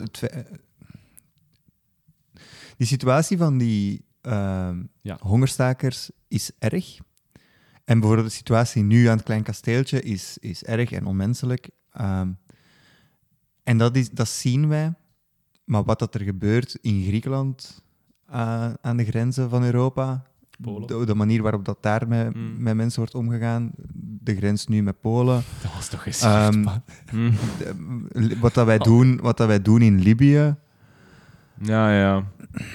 de rol die Europa daar speelt in dat verhaal, En wij dus. en wij Ja. dus, ja, de, de rol die wij dus spelen Ja. in dat verhaal, is echt... eh, In een nutshell, Europa laat het over aan de grenslanden om hun problemen op te lossen. Terwijl die grenslanden zeggen, ja, dat is niet ons fout dat wij aan de grens liggen. Ja. Allee, Hm. Ja, ja, en, dus, en dus daar worden... in Griekenland, die, die vluchtelingenkampen daar in de modder Ja, ja. verzopen, eh, in putteke winter, eh, geen verwarming. Ja, is amper eten. Dat is echt, echt mensonterend. En, en eh, Wit-Rusland dat dan ook zei, ja, we hebben hier 5000 mensen onderdak gegeven. Ah, perfect. En dan gaan ze zo gaan filmen.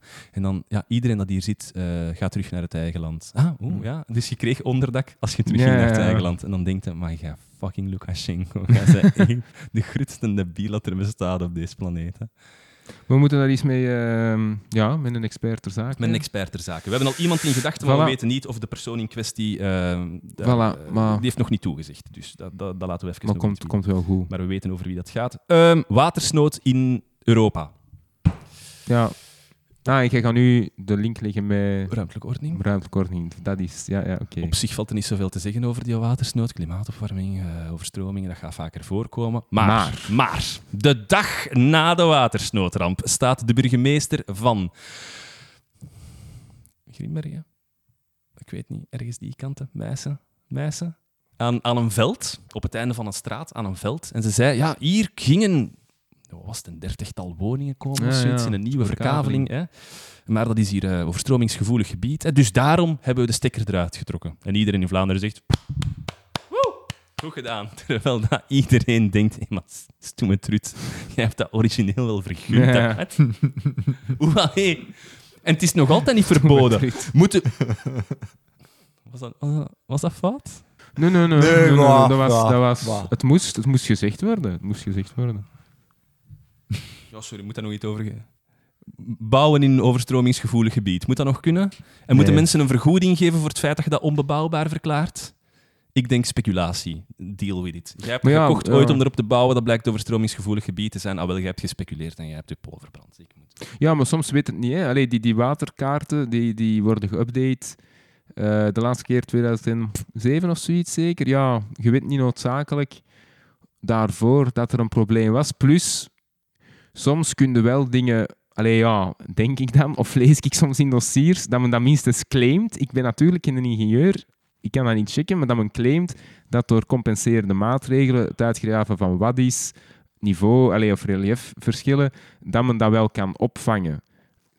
Zegt men dan, hè? Allee, Ja. ik, kan, maar dus, oké, dat, dat, dat zoiets vergund wordt op zich, ja, lijkt mij niet noodzakelijk problematisch Ja, maar dus het feit dat zoiets vergund wordt op individueel vlak, als je dat project per project bekijkt, Mhm. zal dat niet zo problematisch zijn en zult je dat inderdaad wel kunnen compenseren. Het ding is, als al die projecten zich opstapelen, dan wordt het gewoon veel moeilijker om te compenseren. Want ja, je, je hebt gewoon allee, Ja, minder doorlating. eh, effect, ja. ja, het is dat. Ja, ja. Nederland heeft een regering. Yay! Eh, sorry, waren wij nog bezig over ruimtelijke ordening? Jij ging er denk ik een boom nee, over maar, opzitten, een boom over opzetten, maar ik word er echt moe van. Hè. Allee, ik bedoel, iedereen weet wat dat het probleem is. We bouwen te veel op plaatsen die dat er niet voor bestemd zijn. Moet er Hmm. nu nog... Is, draagvlak is er. Dra- draagvlak is er. Er is nu een taskforce geweest die en dat dat grond... Ah, misschien kunnen we het daarover hebben. Over die woningen. Nee. Ah. Oh, de luisteraar vindt dit zo leuk. En zo ga ik nooit naar huis geraken. Nee, dat is waar, dat is waar. Eh, Nederland heeft een, eh, heeft een regering. 273 dagen heeft het geduurd. Ja, Eh, dat is niks in vergelijking met... In, in vergelijking met 541 Ja. dagen. Bijna dubbel. Maar het zijn toch wat Belgische toestanden in de zin van uiteindelijk hebben ze een regering gevormd zonder eigenlijk een akkoord te hebben. Het is allemaal zo van, we fixen dat later wel. Nou ja. Eh, ik heb nog niet in detail opgevoerd. Ja, dus ik, heb, ik, heb, ik had gelezen dat er bijvoorbeeld amper iets in staat over fiscaliteit. En, eh, dus dat eigenlijk gewoon alle netelige kwesties, BTW op fruit en groente wordt nul. maar gewoon alle netelige kwesties Ja, ja, hebben ze gewoon doorgeschoven naar, eh, naar later. Dus ja, dat gaat zich wreken dan. Hè. Allee. Ja. Bestaat Mark Rutte uit PFOS? Want alles glijdt ervan af.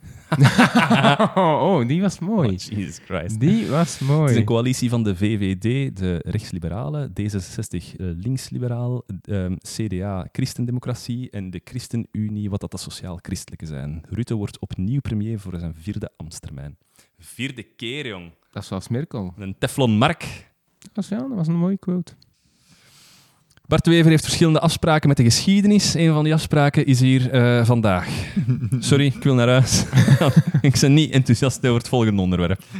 Wacht, ik, ik, ik, ik weet niet wat er gaat komen. Nee? Nee? Ah, dat hem heeft gezegd dat, dat Tine Verstraeten... eh, van der, Ah, van der ja, ja. Straten, ik, ik weet het nooit wat dat is. Hè. Is het Van der Straat? Ver- van, van, van der Straat. Tine van der Straten. toch? Het energiedebat verkocht heeft aan NG Electrabel. In een nutcase. Een goeie dat zegt. Een goeie dat... Ah, wel. Een goeie dat zegt. Een debiel. Nee, eh, eh, dus de, de kerncentrales gaan toe.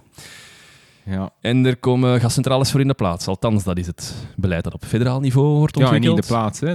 De gascentrales zijn toch enkel voor de punten, voor de piekmomenten. Fluctuaties. Ah, maar ja. ja. Want is er, ik denk... Nee, de, de, de De dalmomenten. dalmomenten. in Ja, ja, ja oké. ja, ja, ik bedoel... Oh ja. Dus, ja, ja. Da- dal in aanvoer en of Ja, of voilà. Ah, in ja, dat bedoel ik. Ja, ja, dat bedoel ik. Dat bedoel Ja, ik. Ja. Eh, er is een heel debat over. De Groenen hebben zich geschaard achter het debat. Kerncentrales zijn niet milieuvriendelijk. We weten Eh, nog, ja, dus daar waren we gisteren ook over bezig. Ja, ja. De dat we daar nog altijd niet Nee. over... Dus we laten ons graag overtuigen, maar we zijn nog altijd niet echt overtuigd Ja. waarom dat dat... De, de, de Groene Partij heeft zich sinds jaar en dag, en dan zijn we al over decennia bezig, tegen, Ja. de, tegen de kernenergie gericht, maar stelt nu als eh, alternatief voor de gascentrales. Hè. Voor Nederlandse luisteraars, we zitten met een klein beetje met een probleem. Als die kerncentrales in 2025 toegaan, zitten we met een gat. 45% van de energiebevoorrading, of zoiets in die trend. Ja, maar oh, de discussie over de kernstop gaat enkel over twee centrales die mogelijk open zouden Ja, kunnen maar blijven. ik probeer een nutshell voor wordt, de De rest wordt Nederlanders. sowieso... Ja, maar dus het gaat niet over die 45 Nee, nee. Ah, ja, ja. De discussie over eh, laten we ze open of niet, gaat niet over die 45 Ja, ja, oké. maar gaat over een De stukje daarvan. Ja. Ja, want de rest moet sowieso toe, daar is geen discussie over. Ja, dus, Dus, eh, maar, maar dus het, het blijft, tegen 2025 zitten we met 45% minder energie, sowieso. Eh, als, als, het- als de plannen van de sluiting van alle kerncentrales doorgaan. En dat zou dan moeten worden opgevangen door iets anders. Groene Mhm. energie bij voorkeur, maar groene energie valt niet te garanderen. Dus het plan is twee, ker- eh, twee gascentrales. één in Vlaanderen en één in Wallonië. Maar het, Ehm. het was toch initieel aan er meer, hè? Of... of... ja, meer onder, gascentrales Onder andere ehm, N-VA, als, Ah, maar ja, lid van, als lid van de vorige regering, wa- eh, was het plan om inderdaad te gaan voor meer gascentrales. Hè. En die dan niet van vergund geraken nu onder de mier. Wacht, hè. Omwille van Ik de probeer stikstof. het aan de Nederlandse luisteraars uit te leggen. Hè. Maar wat interesseert mij die niveau. Nederlandse luisteraars? Ze moeten maar hun best doen. dat is de Ze helft moeten van ons maar hun best doen. Dat is een helft van ons publiek. 40 procent. Als ze niet kunnen volgen, is dat hun probleem. Als de Joep wilt luisteren, dan geef we het. Oh. Nee, de nee, nee. Joep moet maar Nee, wij zijn, zijn eigen onderzoek doen. We dan. zijn fan van Nederland. Ik kom heel De graag Robin in luistert. Nederland. De Robin VDM luistert. Friend of the show. Ja, Friend of the, show, heeft laten Ja. weten dat hij luistert. Dus Robin, this one is for you. Ja. Eh, op, op federaal niveau wordt er besloten om ze te sluiten. Maar wie is het vergunningsniveau voor de gascentrales? Dat is het gewestelijk niveau. En wil dan nu lukken dat er een andere partij aan de macht is op het federaal niveau dan op het eh, gewestelijke niveau? Dus op het, eh, op het nationaal niveau is dat dus de Groenen, die dat zeggen de kerncentrales moeten toe. En op het gewestelijke niveau is dat toevallig in Vlaanderen de N-VA, de partij van Bart de Wever, de burgemeester van het schoonste staat van het land. Dat de stad. De stad. De, de stad. Ja. De stad. Nee, het stad. Het stad. En die, eh, die houdt van, eh, van eh, nucleaire energie. Dus wat zien we? Dat is dat eh, de, zijn minister, hè, Zoual Demir van, van de NVA, Maar die houdt nu het Die houdt van nucleaire energie of die houdt van de groene te kakken te zetten? Alle twee. Ik, Ja. ja, maar, oh, ik weet het niet. Ik denk, ik weet het is een niet- nuance. Ik weet niet wat dat de essentie is, want Ja, blijkbaar, ik in denk de, blijkbaar in de vorige regering was het geen breekpunt. Hè? Nee, maar die hebben, ze hebben wel altijd... Het was Ja, oké, maar het was geen hebben- breekpunt. Nee, nee, oké. Ja, dat is Ik juist. maak mijn verhaal Ja, af. klopt, Zowel klopt. houdt de vergunningverlening van die gascentrales tegen. Dus in 2025 zijn we gefakt. Het, het- het- er moet iets komen, maar langs Mhm. alle kanten zitten we vast. Er zijn een aantal problemen aan dat debat, waaronder dat jullie er al een paar belicht hebben. Eh, een van de problemen die ik nu even wil aankaarten, en dan gaan we de rest wel anders bespreken. Je zit hier Mhm. met een federaal niveau en een gewestelijk niveau die dan niet overeenkomen. Go. Hoe lost dat op? Maar dus ik denk de echte vraag, maar ik denk dat dat jaren gaat duren, want daar zal de Raad van State moeten overgaan. Is het hier effectief zo dat die beslissing politiek werd genomen? Of is er fundamenteel een probleem met die gascentrales? Want als, het, als, als ze echt gewoon niet voldoen aan de vergunningscriteria, dan ja, Dan oké, hè? Ja, nee, ik denk... ehm, maar waar gi- ging het dan over? Waar eh, ging die gascentrale? Dat, dat Semir, eh, de, Semir, Demir inging tegen alle positieve adviezen van Maar er eh, was, blijkbaar ook, er was blijkbaar ook een negatief advies. Hè? En dus oké, ja, zij, zij doen dan aan cherrypicking, zij gaan dat uitvergroten. Maar er was ook wel één negatief advies, dacht ik, iets van water of zo. En, er, en er was dus blijkbaar ah, ook maar een, een potentieel probleem met stikstof. Ja, voilà. Wel, dat heeft ze dan aangegrepen om te zeggen, hè? stikstof... Ja, oké, maar dus aangegrepen om, oké, ja, maar dus valt het binnen het... Ja, maar als, u, als alle adviesinstanties, bijvoorbeeld ook op dat punt van stikstof, van agentschap, ik weet nu niet in dat concrete geval, maar ik neem aan dat agentschap Natuur en Bos, dat die dat wel, de Vlaamse Milieumaatschappij en zo, dat die er zijn overgegaan, dat die dat hebben gecontroleerd. En dat die dan waarschijnlijk onder die gunstige adviezen hebben gezeten. Ik vond daar een uitleg gewoon op, op ter zaken of de afspraak. En dat ze zegt, de mensen zouden content mogen zijn. Dat oké, je hebt die ja. adviesinstanties. Maar ik ben dat dan ook nog eens gaan controleren. nee, nee, nee, zo werkt het niet. Hè. Nee, Dus, alleen ja. zo, zo werkt het wel natuurlijk, want uiteindelijk de politiek neemt de beslissing en zij kan erop worden afgerekend. Maar zo dat argument Ja, nee, dat maar dat zij een meerwaarde in dat debat creëert. nee, is dat, dat, is geen, dat is geen teken van goed beleid. dat, is, dat, is, voilà. dat is arbitrair. Ja. Voilà, dus, en dus eh, ik denk, de vraag is ook...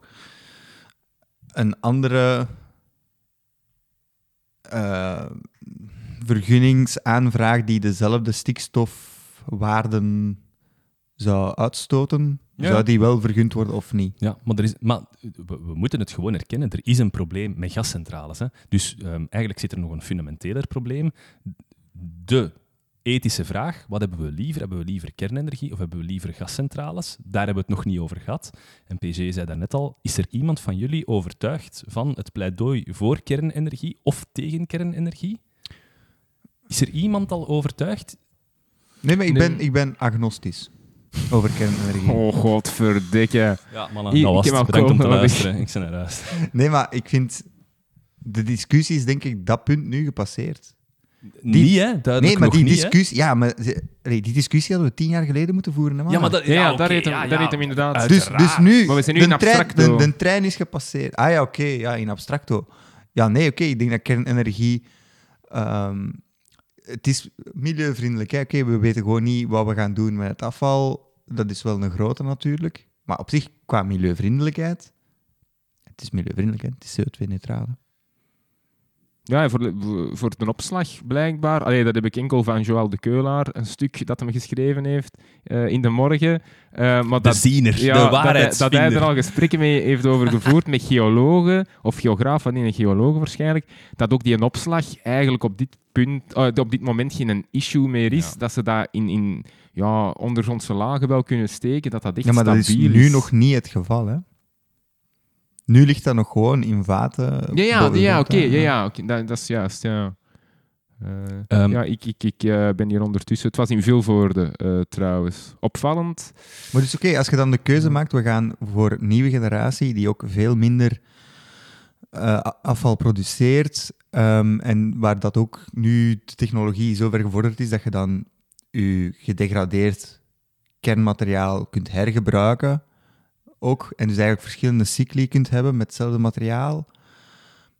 Maar dat krijg je al helemaal niet vergund, zoiets. Laat staan Ja, een gascentraal. Ah, ja, Ja, ja, laat- wel, maar is dat. Maar dat is de discussie. hè. Dus dat hadden we dan, als dat de keuze was geweest, dan hadden we tien jaar geleden moeten beslissen. ja. Want dan hadden we nog altijd maar in 2035 die nieuwe centrale gehad. Maar in, in, in Nederland werd het ook gezegd, hè, ze willen ook naar, eh, als deel van het akkoord eh, kijken naar nieuwe kerncentrales. Mhm. Dat komt er niet, hè? Dat is ten vroegste 2035, zeggen ze. Ja. Maar dat gaat, allee, als je kijkt, in Frankrijk zijn ze ook bezig. Ze zitten al tien jaar of zo over tijd, hè? Finland hetzelfde, hè? Maar dat vind ik overtuigende argumenten. Maar ik, Dus elke allee, keer als ik zelfs als we vandaag zouden zeggen, ja, we gaan voor nieuwe kerncentrales, dan, Ja, staan, dus ze er, dan staan ze er in 2040, dan hebben we nog altijd die gascentrales nodig. Hè? Ja, tuurlijk. Dus dat Ja. is een dwaas argument op dit moment. hè. Maar, ik, vind, ik vind dat je goede argumenten aanhaalt. Het enige wat ik kan vaststellen is dat als Tine van der Straten eh, op tv komt om het uit te leggen, is haar argument vaak: het is een heel complex dossier en wij gaan daar niet licht- lichtzinnig over. En dan denk ik, dat is, ik, ik aanvaard dat volledig. Maar wat denkt je om een keer een communiqué door te sturen naar de globale bevolking, waarin dat je in twee uur uitlegt, gewoon eens een keer echt detailistisch, hè? En, en zij technisch, en leg het eens een keer uit wat dat uw probleem is en wat dat uw punt is. Want voor heel veel mensen lijkt het punt van groen een dogmatisch punt te zijn. Eh, ja, maar het wordt ook gewoon zo geframed nu door ja, dat is NVA. waar. hè. Dat is waar. Dus oké, NVA maakt er nu, eh, Nee, maar ik denk. Het speelt het ook, op die manier, maar het is ook op dit moment.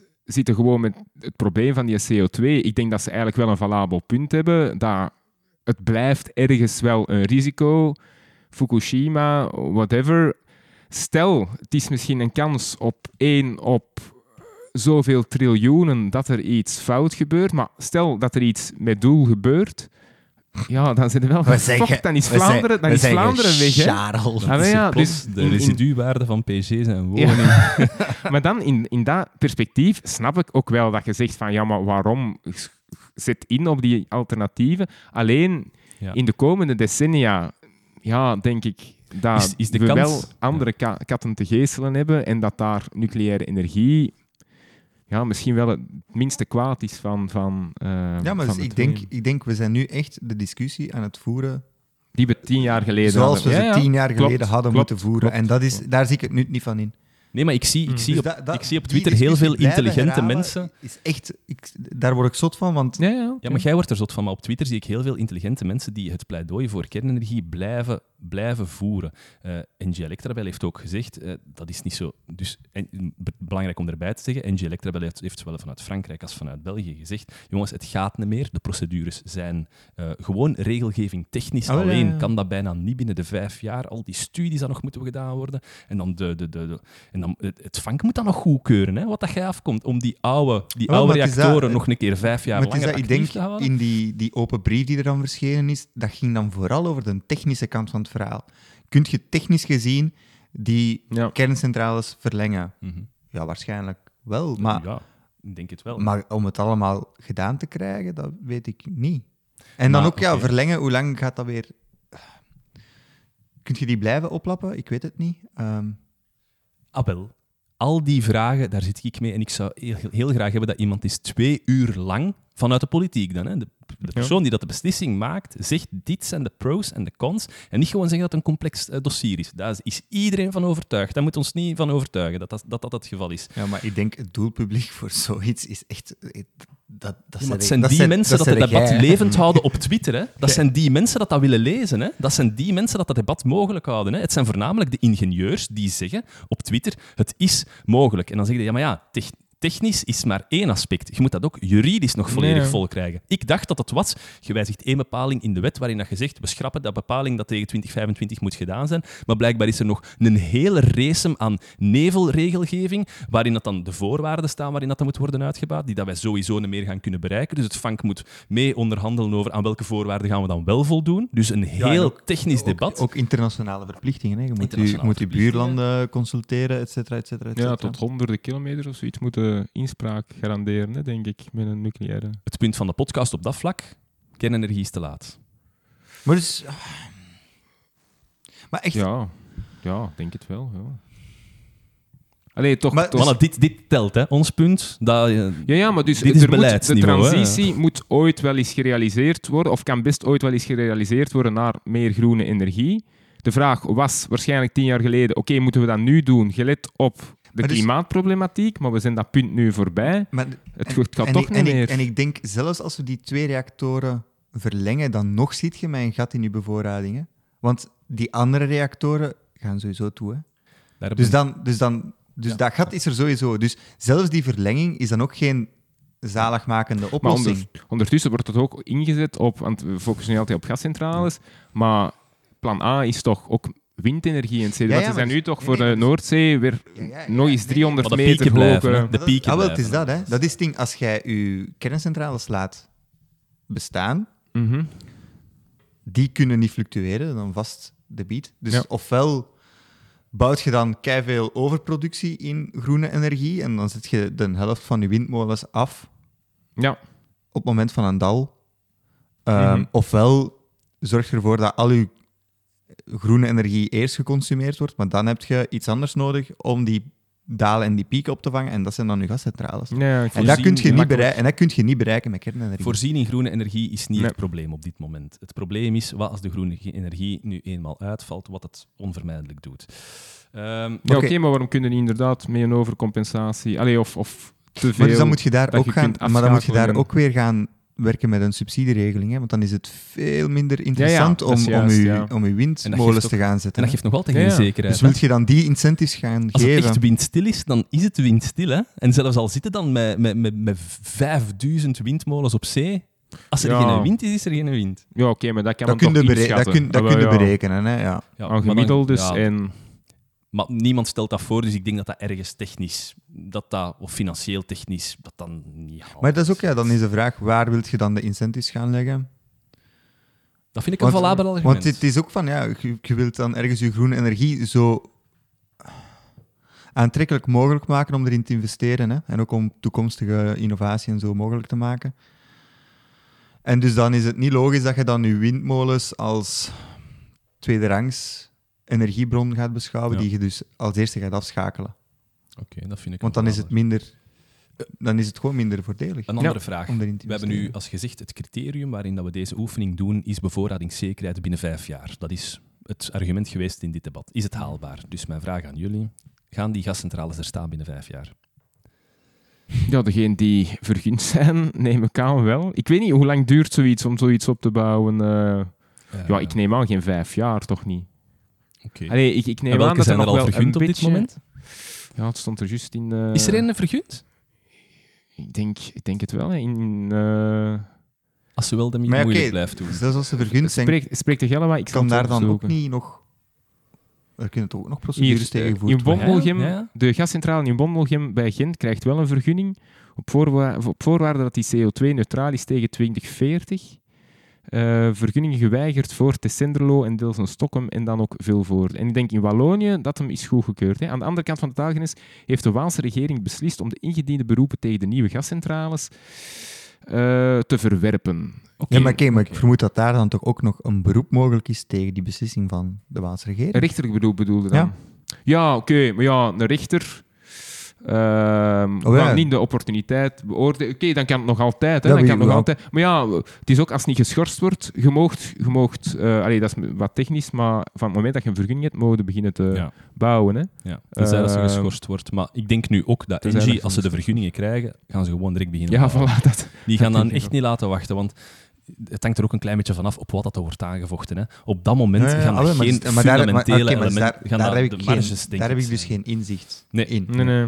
Maar de, mensen die dat pleiten voor de gascentrales, gaan er wel vanuit dat de haalbaarheid binnen vijf jaar dat dat een gegeven is. Die zeggen het is realistischer dat we, het, dat we de gascentrales bouwen dan dat we in kernenergie verder doen. Ik, Ik, ik, denk dat dat... ik heb een andere vraag eigenlijk over. ehm, want daar Allee, om nu het geweer compleet van schouder te veranderen en van de ene dag op de andere in te zetten om die kernenergie, dat denk ik is wel moeilijk. Daar is het echt Ja. laat voor. Ja. We zijn al bezig met die... De, de, de, de gascentrales zijn al vermarkt. De, wie dat ze mag uitbaten. De vergunningsaanvragen zijn in eh NG. NG is ermee bezig. Mhm. Dus oké, eh, we, zijn er, we zijn er al mee bezig. Dat schip, ja, maar dat schip dat Ja. keert langzaam, maar dat is al in die richting aan het gaan. ja, ja. Omdat dan nog een keer, wat dat Ronnie zegt, is een valabel argument. Ik wil een andere vraag stellen. Ik heb al gezegd, we bekijken het vanuit onze bril van binnen vijf jaar. Hm. Moet het mogelijk zijn? Maar ik zou ook de andere bril willen opzetten. En ik, ik weet niet of dat, dat... Ik heb het nog niet gezien in de debatten. Dat is eigenlijk... Korte termijnbeleid is altijd slecht beleid. Bijna altijd. Tenzij dat je Mhm. natuurlijk echt met, met een covid-nood zit of zoiets. Maar ik zou graag hebben dat er iemand is de oefening maakt. Als we binnen 20 jaar terugkijken. Een euro kunnen we maar één keer uitgeven. We hebben een aantal miljard uitgegeven aan ons energievraagstuk. Als we binnen 20 jaar kijken, is die een euro dat we daar hebben uitgegeven, is die in de correcte richting gegaan? Met de andere woorden, is die gascentrales, is dat iets waar dat we ons in de toekomst gaan zeggen, dat was echt een goede keuze dat we dat toen gedaan hebben. En niet gewoon voor die bevoorradingszekerheid op die korte termijn, hè, maar dat we er dan nog iets mee zijn.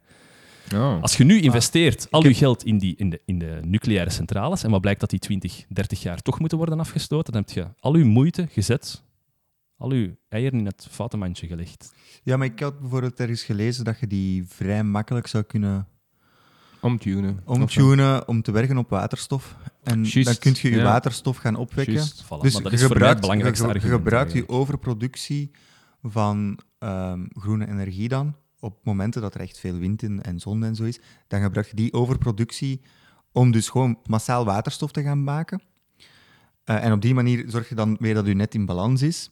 Hè, door, dan haal je daar de overproductie weg. Mhm. En op het moment van je dalen kun je dan die waterstof gaan gebruiken om die gascentrales Hoe werkt gebruiken. dat eigenlijk? Want ik hoor er zoveel van, van die Dat is waterstof. heel simpel. Je hebt een bak water, je steekt daar een plus en een min in en je zet daar elektriciteit op en dat creëert waterstof. Maar dat vraagt heel veel elektriciteit. Nou, je moet je oken weghalen. Hè? Weghalen van die... En dat doe je door dat eh, onder een trick te zetten. Ja, een, een- wat is dat, een kathode? En, eh, of- ik Ja, heb- ja. maar ik heb dat gedaan in, Maar dus ja, in het middelbaar bij chemie. En dat, zijn een- gewoon twee metalen pinnetjes in een bus water. Nu gaan al die, al die wetenschappers gaan zeggen, stop! Stop! Zegt, zet jij zot? Maar dat is hoe dat je dat doet. Maar dat is geen Maar en, efficiënt... en eh, hoe zie je dat? dat, begint te brubbelen, dat begint te brubbelen aan één van die polen. Ja? komen daar brubbeltjes in en je moet dat opvangen met een proefbuisje erboven. En alles wat er dan in dat proefbuisje zit, dat is dan waterstof. Maar dat blijft wel vloeibaar, toch? Nee, nee dat, is, dat is lucht. Hè. Dat is stof. Dat is, eh, Ja, uw water blijft water. Ja, dat blijft water. Ah, oké, maar je waterstof die dat je is- afvangt is Uiteindelijk gas. gaat dat misschien allemaal... Maar in ieder geval, dan een proefbuisje dat wij nog over hadden, daar zat nog water in. Maar dat zal Ja, waarschijnlijk maar dat is dan gewoon wel om, weggaan, ja, hè. nee, maar dat is gewoon uw, ja, als je je reactie laat verder doen. Dan zal het weggaan. ja. Maar je waterstof, dus je houdt enkel gewoon je hash over. nee, maar H2 het is 2, en 2, H, zuurstof. 2 H2O wordt H2 en O2. Ja. Dus je krijgt Ah 2 ja, en H2. O2 vervliegt. O2 vervliegt, sorry. Ja, maar Ja, dus dat, waterstof is- dat is ook. lucht gewoon. Hè? Ah, maar ja, Ja. voilà, dat vervliegt. Ja. En H2 vangt dat af in, een, in, in, in ja, vaten, wat dat- dan ook, als dat- gas. Dat worden gewoon alle twee stoffen Ja, die maar- wegvliegen. ah, En dan die maar scheiden. Ik weet niet hoe Ah, dat ja, gaat, maar- en dus een H2 houden bij, en de Ja. O2... Ja, O2, dat, is ja. restproduct, hè? dat is gewoon lucht. voilà. En, dus, en dat heb je dan. Ja. En dat gaat je dan naar het land transporteren, H2. En wat doe je er dan mee om daar energie uit te halen? Ah, dus dan verbranden dat, hè? Verbranden. Ons En, en energievraagstuk die is verbranding archa- is, is wel clean, hè? want wat je doet is je verbrandt H2. En verbranding wil zeggen zuurstof toevoegen. Dus dan wordt je een H2 gewoon terug H2O. Dan krijg je en water. komt... Je krijgt water. Dat is het restproduct. Maar ons Het restproduct is water. Wacht, dus je verbrandt dat, oké. Dus je voegt daar dan CO2 aan toe. Nee, nee, Wel, voegt er- nee, ver- nee, nee. O. O2 voegt je eraan toe. Eh, Ah, en verbranden dan- dan verbranden is hetzelfde als oxideren. Ah, wel, het is dus als je verbranden is H2 gewoon lucht oxideert, dan krijg je, zuur- dan krijg je water. Oké, en daar komt energie uit. Ja, Daar komt energie bij vrij. Ja, maar ja, bij dus die en die Ja, energie gebruikt je om stoom te creëren. En die stoom voert een... Want, Ah, hoe, omdat je want een- hoe krijg je ge- energie uit een gascentrale? Je verbrandt gas, dat gas, die warmte, een ja, ja, boiler, ja, creëert, stoom. En die stoom voert dan een turbine aan en Ja, dat is een elektriciteit. dynamo. En dus dat is dan het idee. Je gebruikt elektriciteit om waterstof te maken. Die waterstof kun je bijhouden en stockeren. Wat dat bij elektriciteit veel minder is, tenzij dat je inzet op batterijen, maar daar, die technologie staat nog niet zo ver.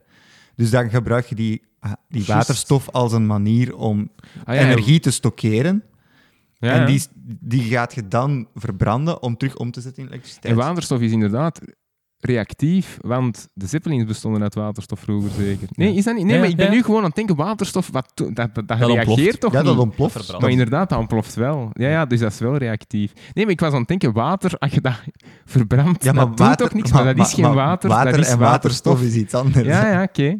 Dus eh, nee, maar daarom denk ik, ja, ik ben nu mee, dus dat staat in zeppelins, dus dat is wel extreem reactief. Ja. Ja, oké. Ja. maar dat is niet het probleem. Het probleem is dat die opslagcapaciteit daar nog wat moeilijk van is, van die waterstof, om daar echt iets mee te doen. Bijvoorbeeld een auto te laten rijden op waterstof. Blijkbaar is de opslag daarvan moeilijk. Je moet echt al een heel grote tank Ja. hebben. En als je een accident hebt, dan ontploft het. Terwijl Ja. bij diesel is dat niet echt het geval. Ja, oké, maar Ehm. als je het gaat gebruiken om Ja, dat is iets anders. Hè. Dat zijn andere een gascentrale te, aan te voeren, dan kun Maar- je dat statisch opslagen. Dat is, dat is gemakkelijker. Terugkerend naar de gascentrale. het verschil tussen gasopslagen om een gascentrale te doen werken of Ja, waterstofopslagen om een gascentrale te doen werken, dat is vergelijkbaar. hè. Ja, ja, ja. Ja. Terugkerend naar, naar de, de, de gascentrales, blijkbaar is die, die waterstofoplossing is dat nog niet voor binnen de vijf jaar. Maar dat moet het ook niet zijn. Hè. Het kan een lange termijn zijn. Ah, maar dus, dus dat, dus dat is, het idee is dan, je hebt nu die gas als tussenoplossing. Maar dat bestaat op- nu toch dan al? Allee, als ik die techniek hoor, Dat is is die niet vrij simpel. Ja, het is dat, dit- dit- is- om, om massaal die waterstof te gaan produceren is nog niet rendabel genoeg. ja. Oké. En ook gewoon, het wordt pas echt een nuttig instrument als je zit met een overproductie aan groene stroom. hè. Ja, Dan- ja, dan- wordt het nuttig, hè, want je moet- Ja, je moet op, Ah, ja, het heeft- het op te slaan. Het, het heeft geen zin om nu Nee, nee, nee. fossiele brandstoffen te gaan gebruiken om waterstof te gaan maken, om dan die waterstof te gaan verbranden. Allee, ja, Maar dus, dus als, ik, ik denk, als, ik, als we kijken binnen, binnen 20 jaar, dat we misschien beter zijn met de gascentrales dan met de Oké, kerncentrales. maar ik dat, nee, maar dus dat zou, dat zou een positief verhaal kunnen worden als je daar dan ook gewoon de randvoorwaarden voor creëert. Zijnde, dan moet je ook wel zien dat je een plan hebt om die andere voorwaarden te doen vervullen, namelijk vol-. Hmm. voldoende groene energie inzetten op die technologie. Maar daar is ze mee bezig, hè. dat is al aan het doen. Dus op dat vlak, tienen. Ah ja, maar dus bijvoorbeeld, allee, sorry. heel, heel die discussie nu, dat is wat dat mij frustreert. Hè. Er is twintig jaar lang gezegd, ah ja, kernuitstap, check. En niet nagedacht Zot, over hè? welk beleid moeten we dan gezien, eigenlijk ja. voeren om dat Ja. mogelijk te gaan maken. Nee. En dat was gewoon om die groenen op dat moment in de regering content Ja, ja. te houden. In de jaren 90? Ja, en oké. Ja, en, en als er, 99 en, denk ik dat hij aangetreden is. eh, en, en als er dan in de tussentijd beslist was geweest van eigenlijk was dat toch niet zo'n slim idee. We, Ja, ja. gaan, we gaan toch inzetten op kernenergie. Als daar een plan voor is en daar zit een visie achter. Ja, ja. En je kunt mij overtuigen dat dat een duurzaam verhaal is, in de zin van, het is niet gewoon weer een beetje gaan...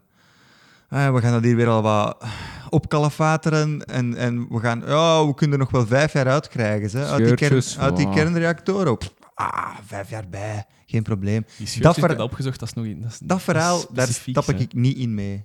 Als dat het verhaal is van kernenergie, maar we kunnen ze nog wel vijf jaar langer laten Sorry, Ron, draaien. hè. zeg, zeg het nog eens. Ik, ehm, ik ben even uitgezoomd. Ik ben echt moe. Ah, nee, maar dus als je mij kunt overtuigen van die verlenging van die kernreactoren, dat is een verhaal voor 20 jaar en wij gaan daarin investeren exact, en, ja. en, en dat, dat houdt steek, dan ben ik mee. Als dat binnen 20 Als jaar nog past in uw energie. Als het gewoon is, we gaan, er, we gaan er gewoon nog vijf jaar uittrekken, dan heb, dan heb je geen visie. Hè? Nee. Dan, dan ga je dat binnen vijf jaar gewoon exact dezelfde discussie hebben. Dus jij zegt, jij zegt, als we kiezen voor nucleair, is het niet gewoon om ze te hebben, maar is het om er nieuwe, efficiëntere bij te bouwen en onze kennis en capaciteit in nucleair, om daar verder mee aan Ja, de en slag ook te als, gaan. als die verlenging, als dat wil zeggen, we verlengen die in de zin van we gaan daarin investeren en we kunnen daar dus dan nog twintig jaar mee verder. Ja, dan lijkt mij dat een. Oké, Ja. dan denk ik nog altijd dat het heel moeilijk gaat zijn om dat op vijf jaar tijd rond te krijgen. Maar als het gewoon is, wow, vijf jaar. Hoe komt het eigenlijk dat het zo'n ideologisch debat is? Dat is een heel technisch debat, waarvan het een appeal moeilijk in te beelden is. Hoe komt dat dat zo ophefge- ophefmakend is? Is dat omdat het Dus nucleair... Is denk- altijd iets... Ik weet niet, ik denk dat het echt een hele gemakkelijke stok is om de groene te slagen nu. Ja. ja, en ideologisch. Want- nee, het, er, zijn, er zijn argumenten pro en contra wel te Ja? maken. Hè? Dus ja, dat je er Maar- van mening kunt over verschillen. Het spelletje dat nu gespeeld wordt, heb ik de indruk, is wel heel politiek. Ja, heel wel. partijpolitiek gekleurd. En nu gaat het, het gaat nu, het gaat of, nu eh, veel minder over het technische Doe dan dat over het eigen, politieke. jong. Blijf iets van mijn stad thuis af. Schoon stadhuis. Toch, hè? Toch. ja. Ja. Schoon verdiep. Zo over die- Oké, het punt van de podcast. Ik ben eh, aan het nadergaan met het punt van Van Impen. Hè. Je moet altijd afronden met een punt. Dus Ah, ja. de mensen Ah, die dat, dat het punt van Van? Impen niet kennen, dat is de podcast. Het, op het einde wordt er een punt gemaakt. Wat, we- wat is nu de samenvatting? Oké, Ons advies aan de regering. Ja. Afdeling podcast van de Raad van het is State. te laat. Het is te laat. Ja, mijn advies van, aan de regering is, wacht niet tot de laatste seconde. Hè, Maar ze zijn er al mee bezig. Nee, nee, voilà. Ah, ja, nee, maar dus, ja, van, het is gewoon echt weer... Typisch voorbeeld van de Belgische struisvogelpolitiek. Je beslist iets, je steekt je kop twintig jaar in het zand en dan haal je je kop eruit en merkt dat... Oei, Maar ja, nu, het is toch nog maar één optie. Alleen dat nucleaire, als dat ja, pas in 2040, dan kun je, dan kun beter nu de, de weg bewandelen waar dat je dan impliciet voor gekozen hebt, zijn de ja, gascentrales met dan de mogelijkheid tot die waterstof. Allee, ik, ik zie niet in, als je inderdaad nu, je kunt voor nucleair kiezen, maar ja, wat zit er ermee als je in 2040 tegen dan kun je nemen aan toch wel die overstap echt hebben gemaakt naar nieuwe vormen van hernieuwbare energie. Ja, dat denk ik ook. Ja. Dus ik denk, die, tegen, allee, ik hoop dat, dat we tegen 2040 eruit zijn. Ja. Dat zou, allee, ja, het zou me zeer teleurstellen eh, eh, dat dat niet het, het geval is. Dus in die zin ja, geef, eh, geef ik u wederom gelijk En er is altijd... dat dat tien jaar geleden had moeten Ja, ja, maar ja, en- dat, maar daarover... maar Toen- dat toen mag had geen argument toen zijn in de was het een nuttige discussie. discussie Ja, geweest. voilà, toen Ja, hadden we van ja. een Toen, blanco toen, pagina... toen had het effectief nog kunnen switchen, denk ik. Ja, Het zou ook al moeilijk zijn. Ik denk eerder 20 jaar ja, geleden. ja liefst. Allee, hoe, hoe- Toen op, op dat moment was er gekozen kernenergie, ja of nee. En dan hadden we meteen ook de rest, de, de volgende stappen Ja. moeten beginnen plannen. Hè. Hoe gaan we dat hè. dan uitvoeren? Daar gaan nog een keer vier regeringen over gaan. Hé hey, jong, dat komt wel goed. Wel, maar dat is echt, dat is echt Belgische politiek. Oei, de pensioenen. Ai, ai, ai, ai, ai. Après We gaan, we gaan gewoon beslissen om die pensioenleeftijd te verhogen. En hoe dat we dan effectief gaan doen, Ja. dat zien we dan wel. En ondertussen toch die, gen- die boomer-generatie op collectief pensioen op hun 50 en wel gaan afbetalen, jong. Je wordt daar toch echt zot van. Oh, hoe zwaar is ons leven? Ja, Zie ons hier zie ons hier zitten. zitten, compleet overwerkt, Ja, moe, kwaad. met een kersttrui aan. Beste en Misschien slechtste minister. van depressie. Beste minister van 20, eh, tw- 2021, Pieter Jan.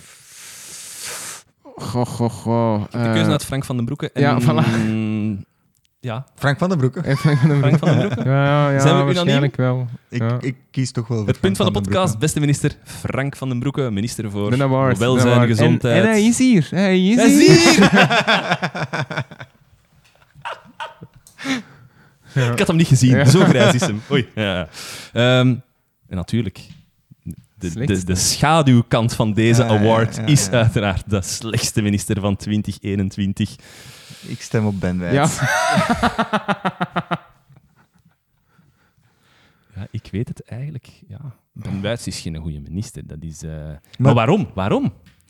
Maar omdat telkens keer... Allee, ik werd altijd super gefrustreerd als hem daar weer afkwam met wij willen de scholen open houden. Ja, Ben, ik wil Wij dat, willen dat ik ook. wil dat ook. maar jij moet wel met een plan B afkomen, hè, maat? Allee, je, Ja, Ben. je, kunt, je kunt veel willen, maar zo werkt het niet, hè? Ja. Kom met een plan B af. ja. Bereid iets voor. Debiel. Met willen gaat er niet komen, hè? Soms vraag ik me af, als wij later zo van die Nee, dus- officiële allee, functies gaan hebben, dan anekdote. gaat die toch tegen ons gebruikt worden.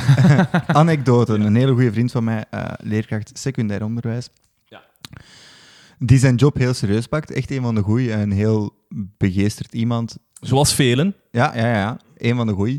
Ehm, die dus ook meer wil doen dan van hem gevraagd wordt. En die dus in augustus 2020 ondertussen, denk ik. Hè? Ja, augustus 2020. Dus na de, nadat we onze eerste lockdown hadden gehad. ehm, en hij zag het aankomen. Hè? Herfst, eh, iedereen kruipt binnen. Dat wordt niet plezant.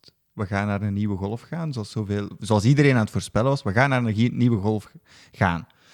De vraag is dan, oké, bereiden we dat voor? Maken wij plannen om op terug al voorbereid te zijn op deeltijds afstandsonderwijs? En hij stelde die vraag aan zijn directie, wat doen we daarmee? Het is nu zomervakantie, nu is het moment om dat te gaan voorbereiden. Antwoord van de directie was, nee, vanuit het ministerie wordt gezegd, we gaan, we gaan niet terug overschakelen op afstandsonderwijs. Het blijft fysiek. Fast forward, twee maand. Het, hetgeen dat iedereen had voorspeld, gebeurt. Die golf is er. En dan is het ineens paniek. Oh shit, wat moeten we doen in het onderwijs? En je vindt geen laptops meer online. En dan is het, allee, en dat, dat probleem had voor, dan, dan is het gewoon, ja, Ben Wijts, jij had aan je scholen moeten zeggen, kijk jongens, we willen de scholen open houden. Plan B is afstandsonderwijs. Gelieve daar rekening mee te houden en gelieve voorbereid te zijn. Mhm. En we gaan u daarin ondersteunen. We gaan daar duidelijke criteria, duidelijke richtlijnen, et cetera, et cetera. Maar dat was er dus allemaal niet. Hè. Het was dus gewoon die individuele leerkracht die zelf tegen het advies van zijn directie in was begonnen al met dat allemaal voor te bereiden. Die daar heel veel tijd heeft ingestoken. Die daar geen frank extra voor ziet. Die daar ook geen erkenning voor heeft gekregen. Die uiteindelijk wel in die school er dan voor gezorgd heeft dat die schakeling wel snel is kunnen gebeuren. En dus, dat is allemaal dan op de schouders van individuele leerkrachten. En dat is toch dat is geen beleid, hè? Nee, dat is geen Wie beleid. zette, allee, waarom hebben dan de minister van Onderwijs? Ah, wel, exact. De Hmm. overheid moet leren aan beleid doen. En, en er wordt... eh, en, en dat, dat maatschappelijk draagvlak, dat komt daar allemaal terug. Dat is uw taak. En daarom zou ik toch ook zeker en vast in die laatste categorie, zoal de Mier niet willen vergeten te vermelden, die eh, fantastisch werk heeft geleverd om niks te veranderen op vlak van ruimtelijke ordening. Dus zowel dank u, dank u, dank u, om alle problemen eh, te verschuiven naar, naar andere bestuursniveaus en te verschuiven naar de toekomst, waarin dat er zich helemaal geen problemen meer gaan afspelen. Ja, ik word... Ik, word, ik zit hier met een feestelijke pul, maar ik, ik voel me niet zo. Nee, het contrasteert. Het contrasteert. wel. Contrasteert met... Trouwens, voor favoriete eh, ministers, ik vind Petra de Sutter... Allee, er is niet een verwezenlijking of zo die je op haar kunt plakken, denk ik. Maar ik vind die wel altijd heel aangenaam in, in debatten. En in Ah ja, eh, programma's. Allee, ik vind dat een heel... Ah, wel, maar dat is ook een van de redenen waarom ik Frank van den Broeke eh, zeker en vast hoog, hoog inschat. Dat is, dat, is, dat is nog zo een van de... Dat is hoe dan een politicus, mijn zinziens, zou moeten zijn. Gewoon kalm, bedeesd en Ja. geen ruzie maken. De reden waarom dat Bart de Wever echt een eikel van de mens is, omdat hij nog altijd ruzie maakt. Die, die, die zou nog liever... Die zou nog liever iemand onder een bus smijten dan om die te redden. En, en er dan... Ja, ik weet niet hoe dat ik het moet uitleggen, maar daarmee kun je geen coalitie beginnen. Je stookt, altijd. Ja. Frank van den Broeke doet dat niet. Ja. Ja, ja, of hij doet dat slimmer misschien. Hij doet dat misschien subtieler. Ja, ja, ja. Wie is Bart de Wever? Ja. Hij was toch de wel Wever? goed. Ja. Eh, Maar wie is Bart de Wever? eh, ja, goed. Hebben we dat eh, puntje neergelegd? Hebben we dat puntje mooi neergelegd? Gaan we kijken naar Ja. Ronald van Ronald van Krombrugge. Krombrugge? Ronald van Krombrugge haalt zijn schouders op. De luisteraar, de luisteraar voelt het, hè. We zijn aan het, Complete apathie. we zijn aan het wegzetten. Apathie. Complete apathie. Alle woede is weg. Zijn we er? Zijn we er? kunnen... Favoriete podcast 2021? Mm, mij gedacht. Dat snap ik niet. En ik heb er nog nooit naar geluisterd, dus Ja. ik moet eigenlijk mijn mond houden. Maar dat gaat gewoon... het concept. Ja, voilà. Afleveringen van FC de. Kampioenen. Ze praten vier uur, waarin dat het een kwartiertje gaat over FC de Kampioenen en vier uur over wat dat wij hier aan het doen zijn. De politiek, eh, het onderwijsbeleid, alles erdoor halen en zeven op van alles nog wat. Dus Dus, dus wij moeten eigenlijk ook misschien En ze zijn way de- van... de winnaars van de, van de, van de podcast awards van de standaard ja, op het vlak van, eh, van comedy. Dus, Maar anders doen wij de familie Bakkeljauw. ja, maar Gaan we die becommen... Bakkeljauw! Nee, wij, wij, wij zijn de parodie van onszelf al. Dus Ah ja, eigenlijk... Oké. En ze haten de FC de kampioenen, hè. even erbij Ah, zeggen. Ja, ja, haat, hè. Absolute haat. En ze proberen er ook af en toe nog een keer een maatschappelijke gelaagdheid in te zoeken, die er dan uiteraard niet bestaat. Ja, Ja, ja het is... Ik kan aan iedereen... Het punt van Van Impe. ja. Ja, ja, met mij... Denk, allee, ik denk dan zo'n nieuwsblad. Ja, nee, laat maar zitten. Want het is, het is echt goed. Ja, het is goed. Ja, oké. Het is echt goed. Dikke nek van de stad. Nieuwsblad is, nieuwsblad is niet goed in Europa. Jawel, nee, jawel. Bij Rudy en Freddy Show PG, wij kunnen toch niet... Wij Nee, ja, kunnen toch maar niet dat, anders dat zeggen. zeggen we altijd. Ja, ja, dat ja, is van het hoogste... maar daar was ik nu wel echt teleurgesteld in. Oei. Oei, Ronnie zegt dat hier mijn uitgestreken Ah, ja. Nee, wij willen je- op een positieve noot Ah, eindigen. je- maar gaan jij te er altijd op te hemelen en ik Ja. luister daarnaar en ik denk, Ah, maar dit is, dit is nu toch Amai, hoe echt slecht was bagger. dat? Ah ja, die aflevering over Dit is echt slecht was bagger. Ja. Dit, Maar dat was ook dit zonder de klopt Rutger. niet, dat, dat is hier gewoon fout. Allee, ik denk, de dynamiek tussen die twee is heel plezant. Hoe vaak moeten de Nederlandse luisteraars niet zeggen dat wat dat wij zeggen dat dat fout is? Ja. Want daar was er een Ah, ruimtelijke ja. expert, een Nederlandse ruimtelijke Ja. expert, en die ging zeggen hoe dat ruimtelijk Vlaanderen eruit zag. En wij waren alle drie aan het luisteren, apart, weg van elkaar Ja. en naar elkaar aan het sturen. Wat, is, dit? deze?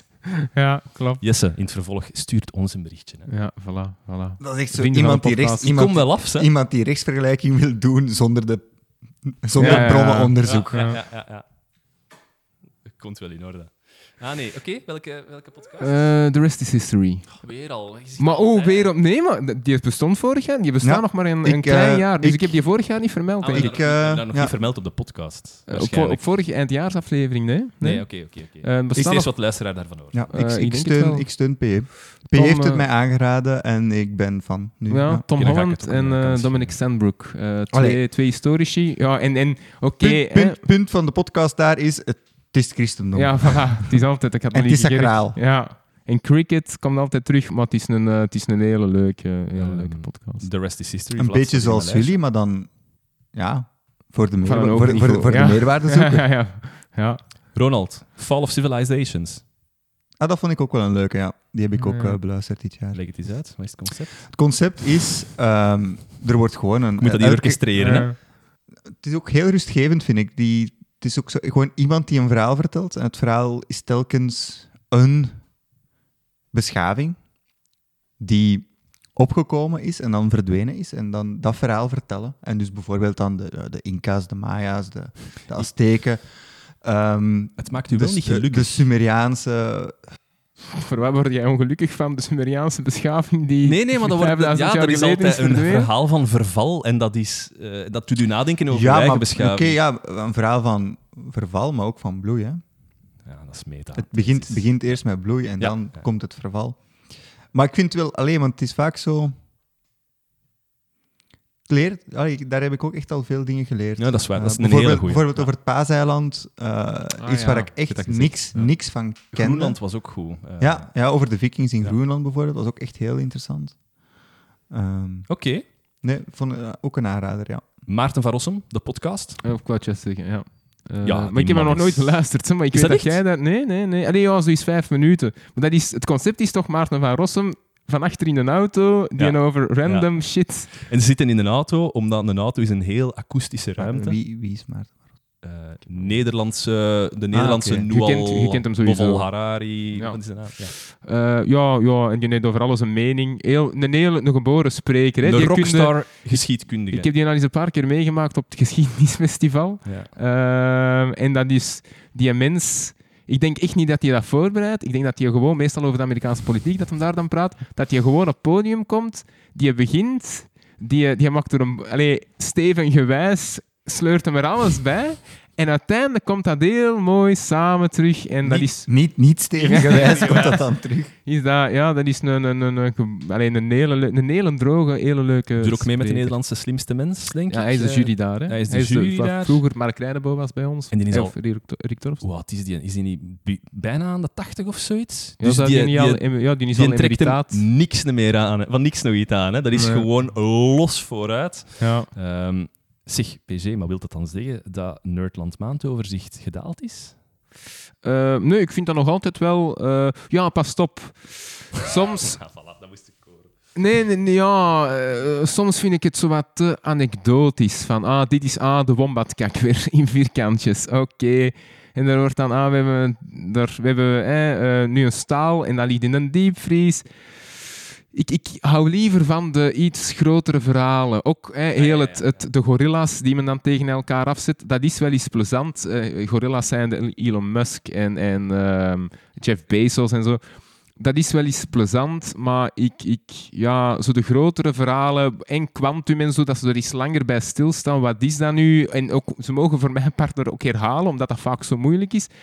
Dat mis ik, eh, mis ik soms. En dan gaat dat een half uur over Doctor Who, eh, de Whovians, of wat is dat nou? Dat, ik, dat mag ertussen zitten, hè, maar ik vind het soms misschien wat te veel. Van Zegt dat. hem terwijl er een boek van Hetty Helsmoortel gesigneerd vind in zijn kast staat. Nee, nee, maar Hetty vind ik... Dat is, we gaan daar naartoe, hè, missie, missie 2021. Ja, eh, we, zullen, we, zullen, we zullen zien. eh, we zullen zien. Die kaarten zijn wel al geboekt, maar... ja, dat is voor volgend jaar. Oké, Ja. ik, ik denk dat we gaan moeten Maar, wacht, afsluiten. ik heb er nog één. Ah, ja, ja, ja. We didn't start the fire. Dat is een Eh liedje. eh, voilà, ah, ja, dus dat is een podcast en die aan, eh, aan de hand van dat liedje, hè, dat is... eh, eh, daar komen alle dingen... Eigenlijk gaat dat over de, de 20e eeuw, hè. En dat gaat dan over uh, bla bla bla, na na na. Allee, al die verschillende... Hij kent een tekst ja, gewoon. ik ken de in de tekst niet. Congo. Ah, voilà, Belgians in de Congo. Voilà. En dus elk woord is iets refereert naar iets in de 20e eeuw. En daar doen die dus een aflevering over. Eh, ik heb er nog maar eentje geluisterd over Dien Bien Phu, eh, Vietnam. Eh, maar dat is wel, eh, ik vond dat wel een leuke. Dat zijn ook niet noodzakelijk de experts, maar ik vond dat wel een leuke, een hele leuke insteek eh, van Billy Joel, het nummer uiteraard. Prachtig, Billy Joel, held. Ja. Vriend van de podcast, wij gaan, wij, gaan er een, wij gaan er een punt achter zetten. Ik denk, ik ga nog heel veel werk hebben om die te editen en dan brengen wij dat ergens uit rond de kerstperiode. Nog eens Hm. dank aan de sponsor Black and White Cloning voor al uw kleren en drukwerk. Als mensen een pul willen bestellen, contacteer eh steven.verbijst.be of de, de Facebook-pagina. Of August Niederstraat. Pieter, 10. ja, August Nieterslaat, Sla- straat 10, eh, Pieter Jan eh, van de Weijer. Ja. Eh, en, en, en dat geraakt ergens, ergens wel terecht. Eh, natuurlijk geen winstoogmerk. Hè. Dat, eh, Nog niet, Dit nog is een niet, puur ja. filantropische aangelegenheid. Omdat we ook geen winst uit gaan kunnen halen. nee, nee, dat is, eh, goed. Eh, iedereen tot nu geluisterd heeft. Ronald, hebben- eh, voor hier, hier vandaag aanwezig te zijn. Dikke merci.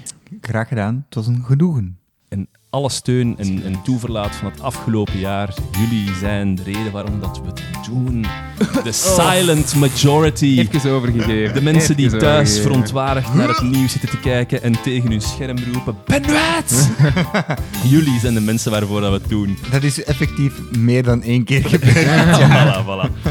Blijf gezond, blijf gelukkig. We wensen nu een fantastisch oudejaar. En dan zien wij u terug in een nieuw jaar met nieuwe afleveringen van Mag iets minder zijn. Ciao. Ciao.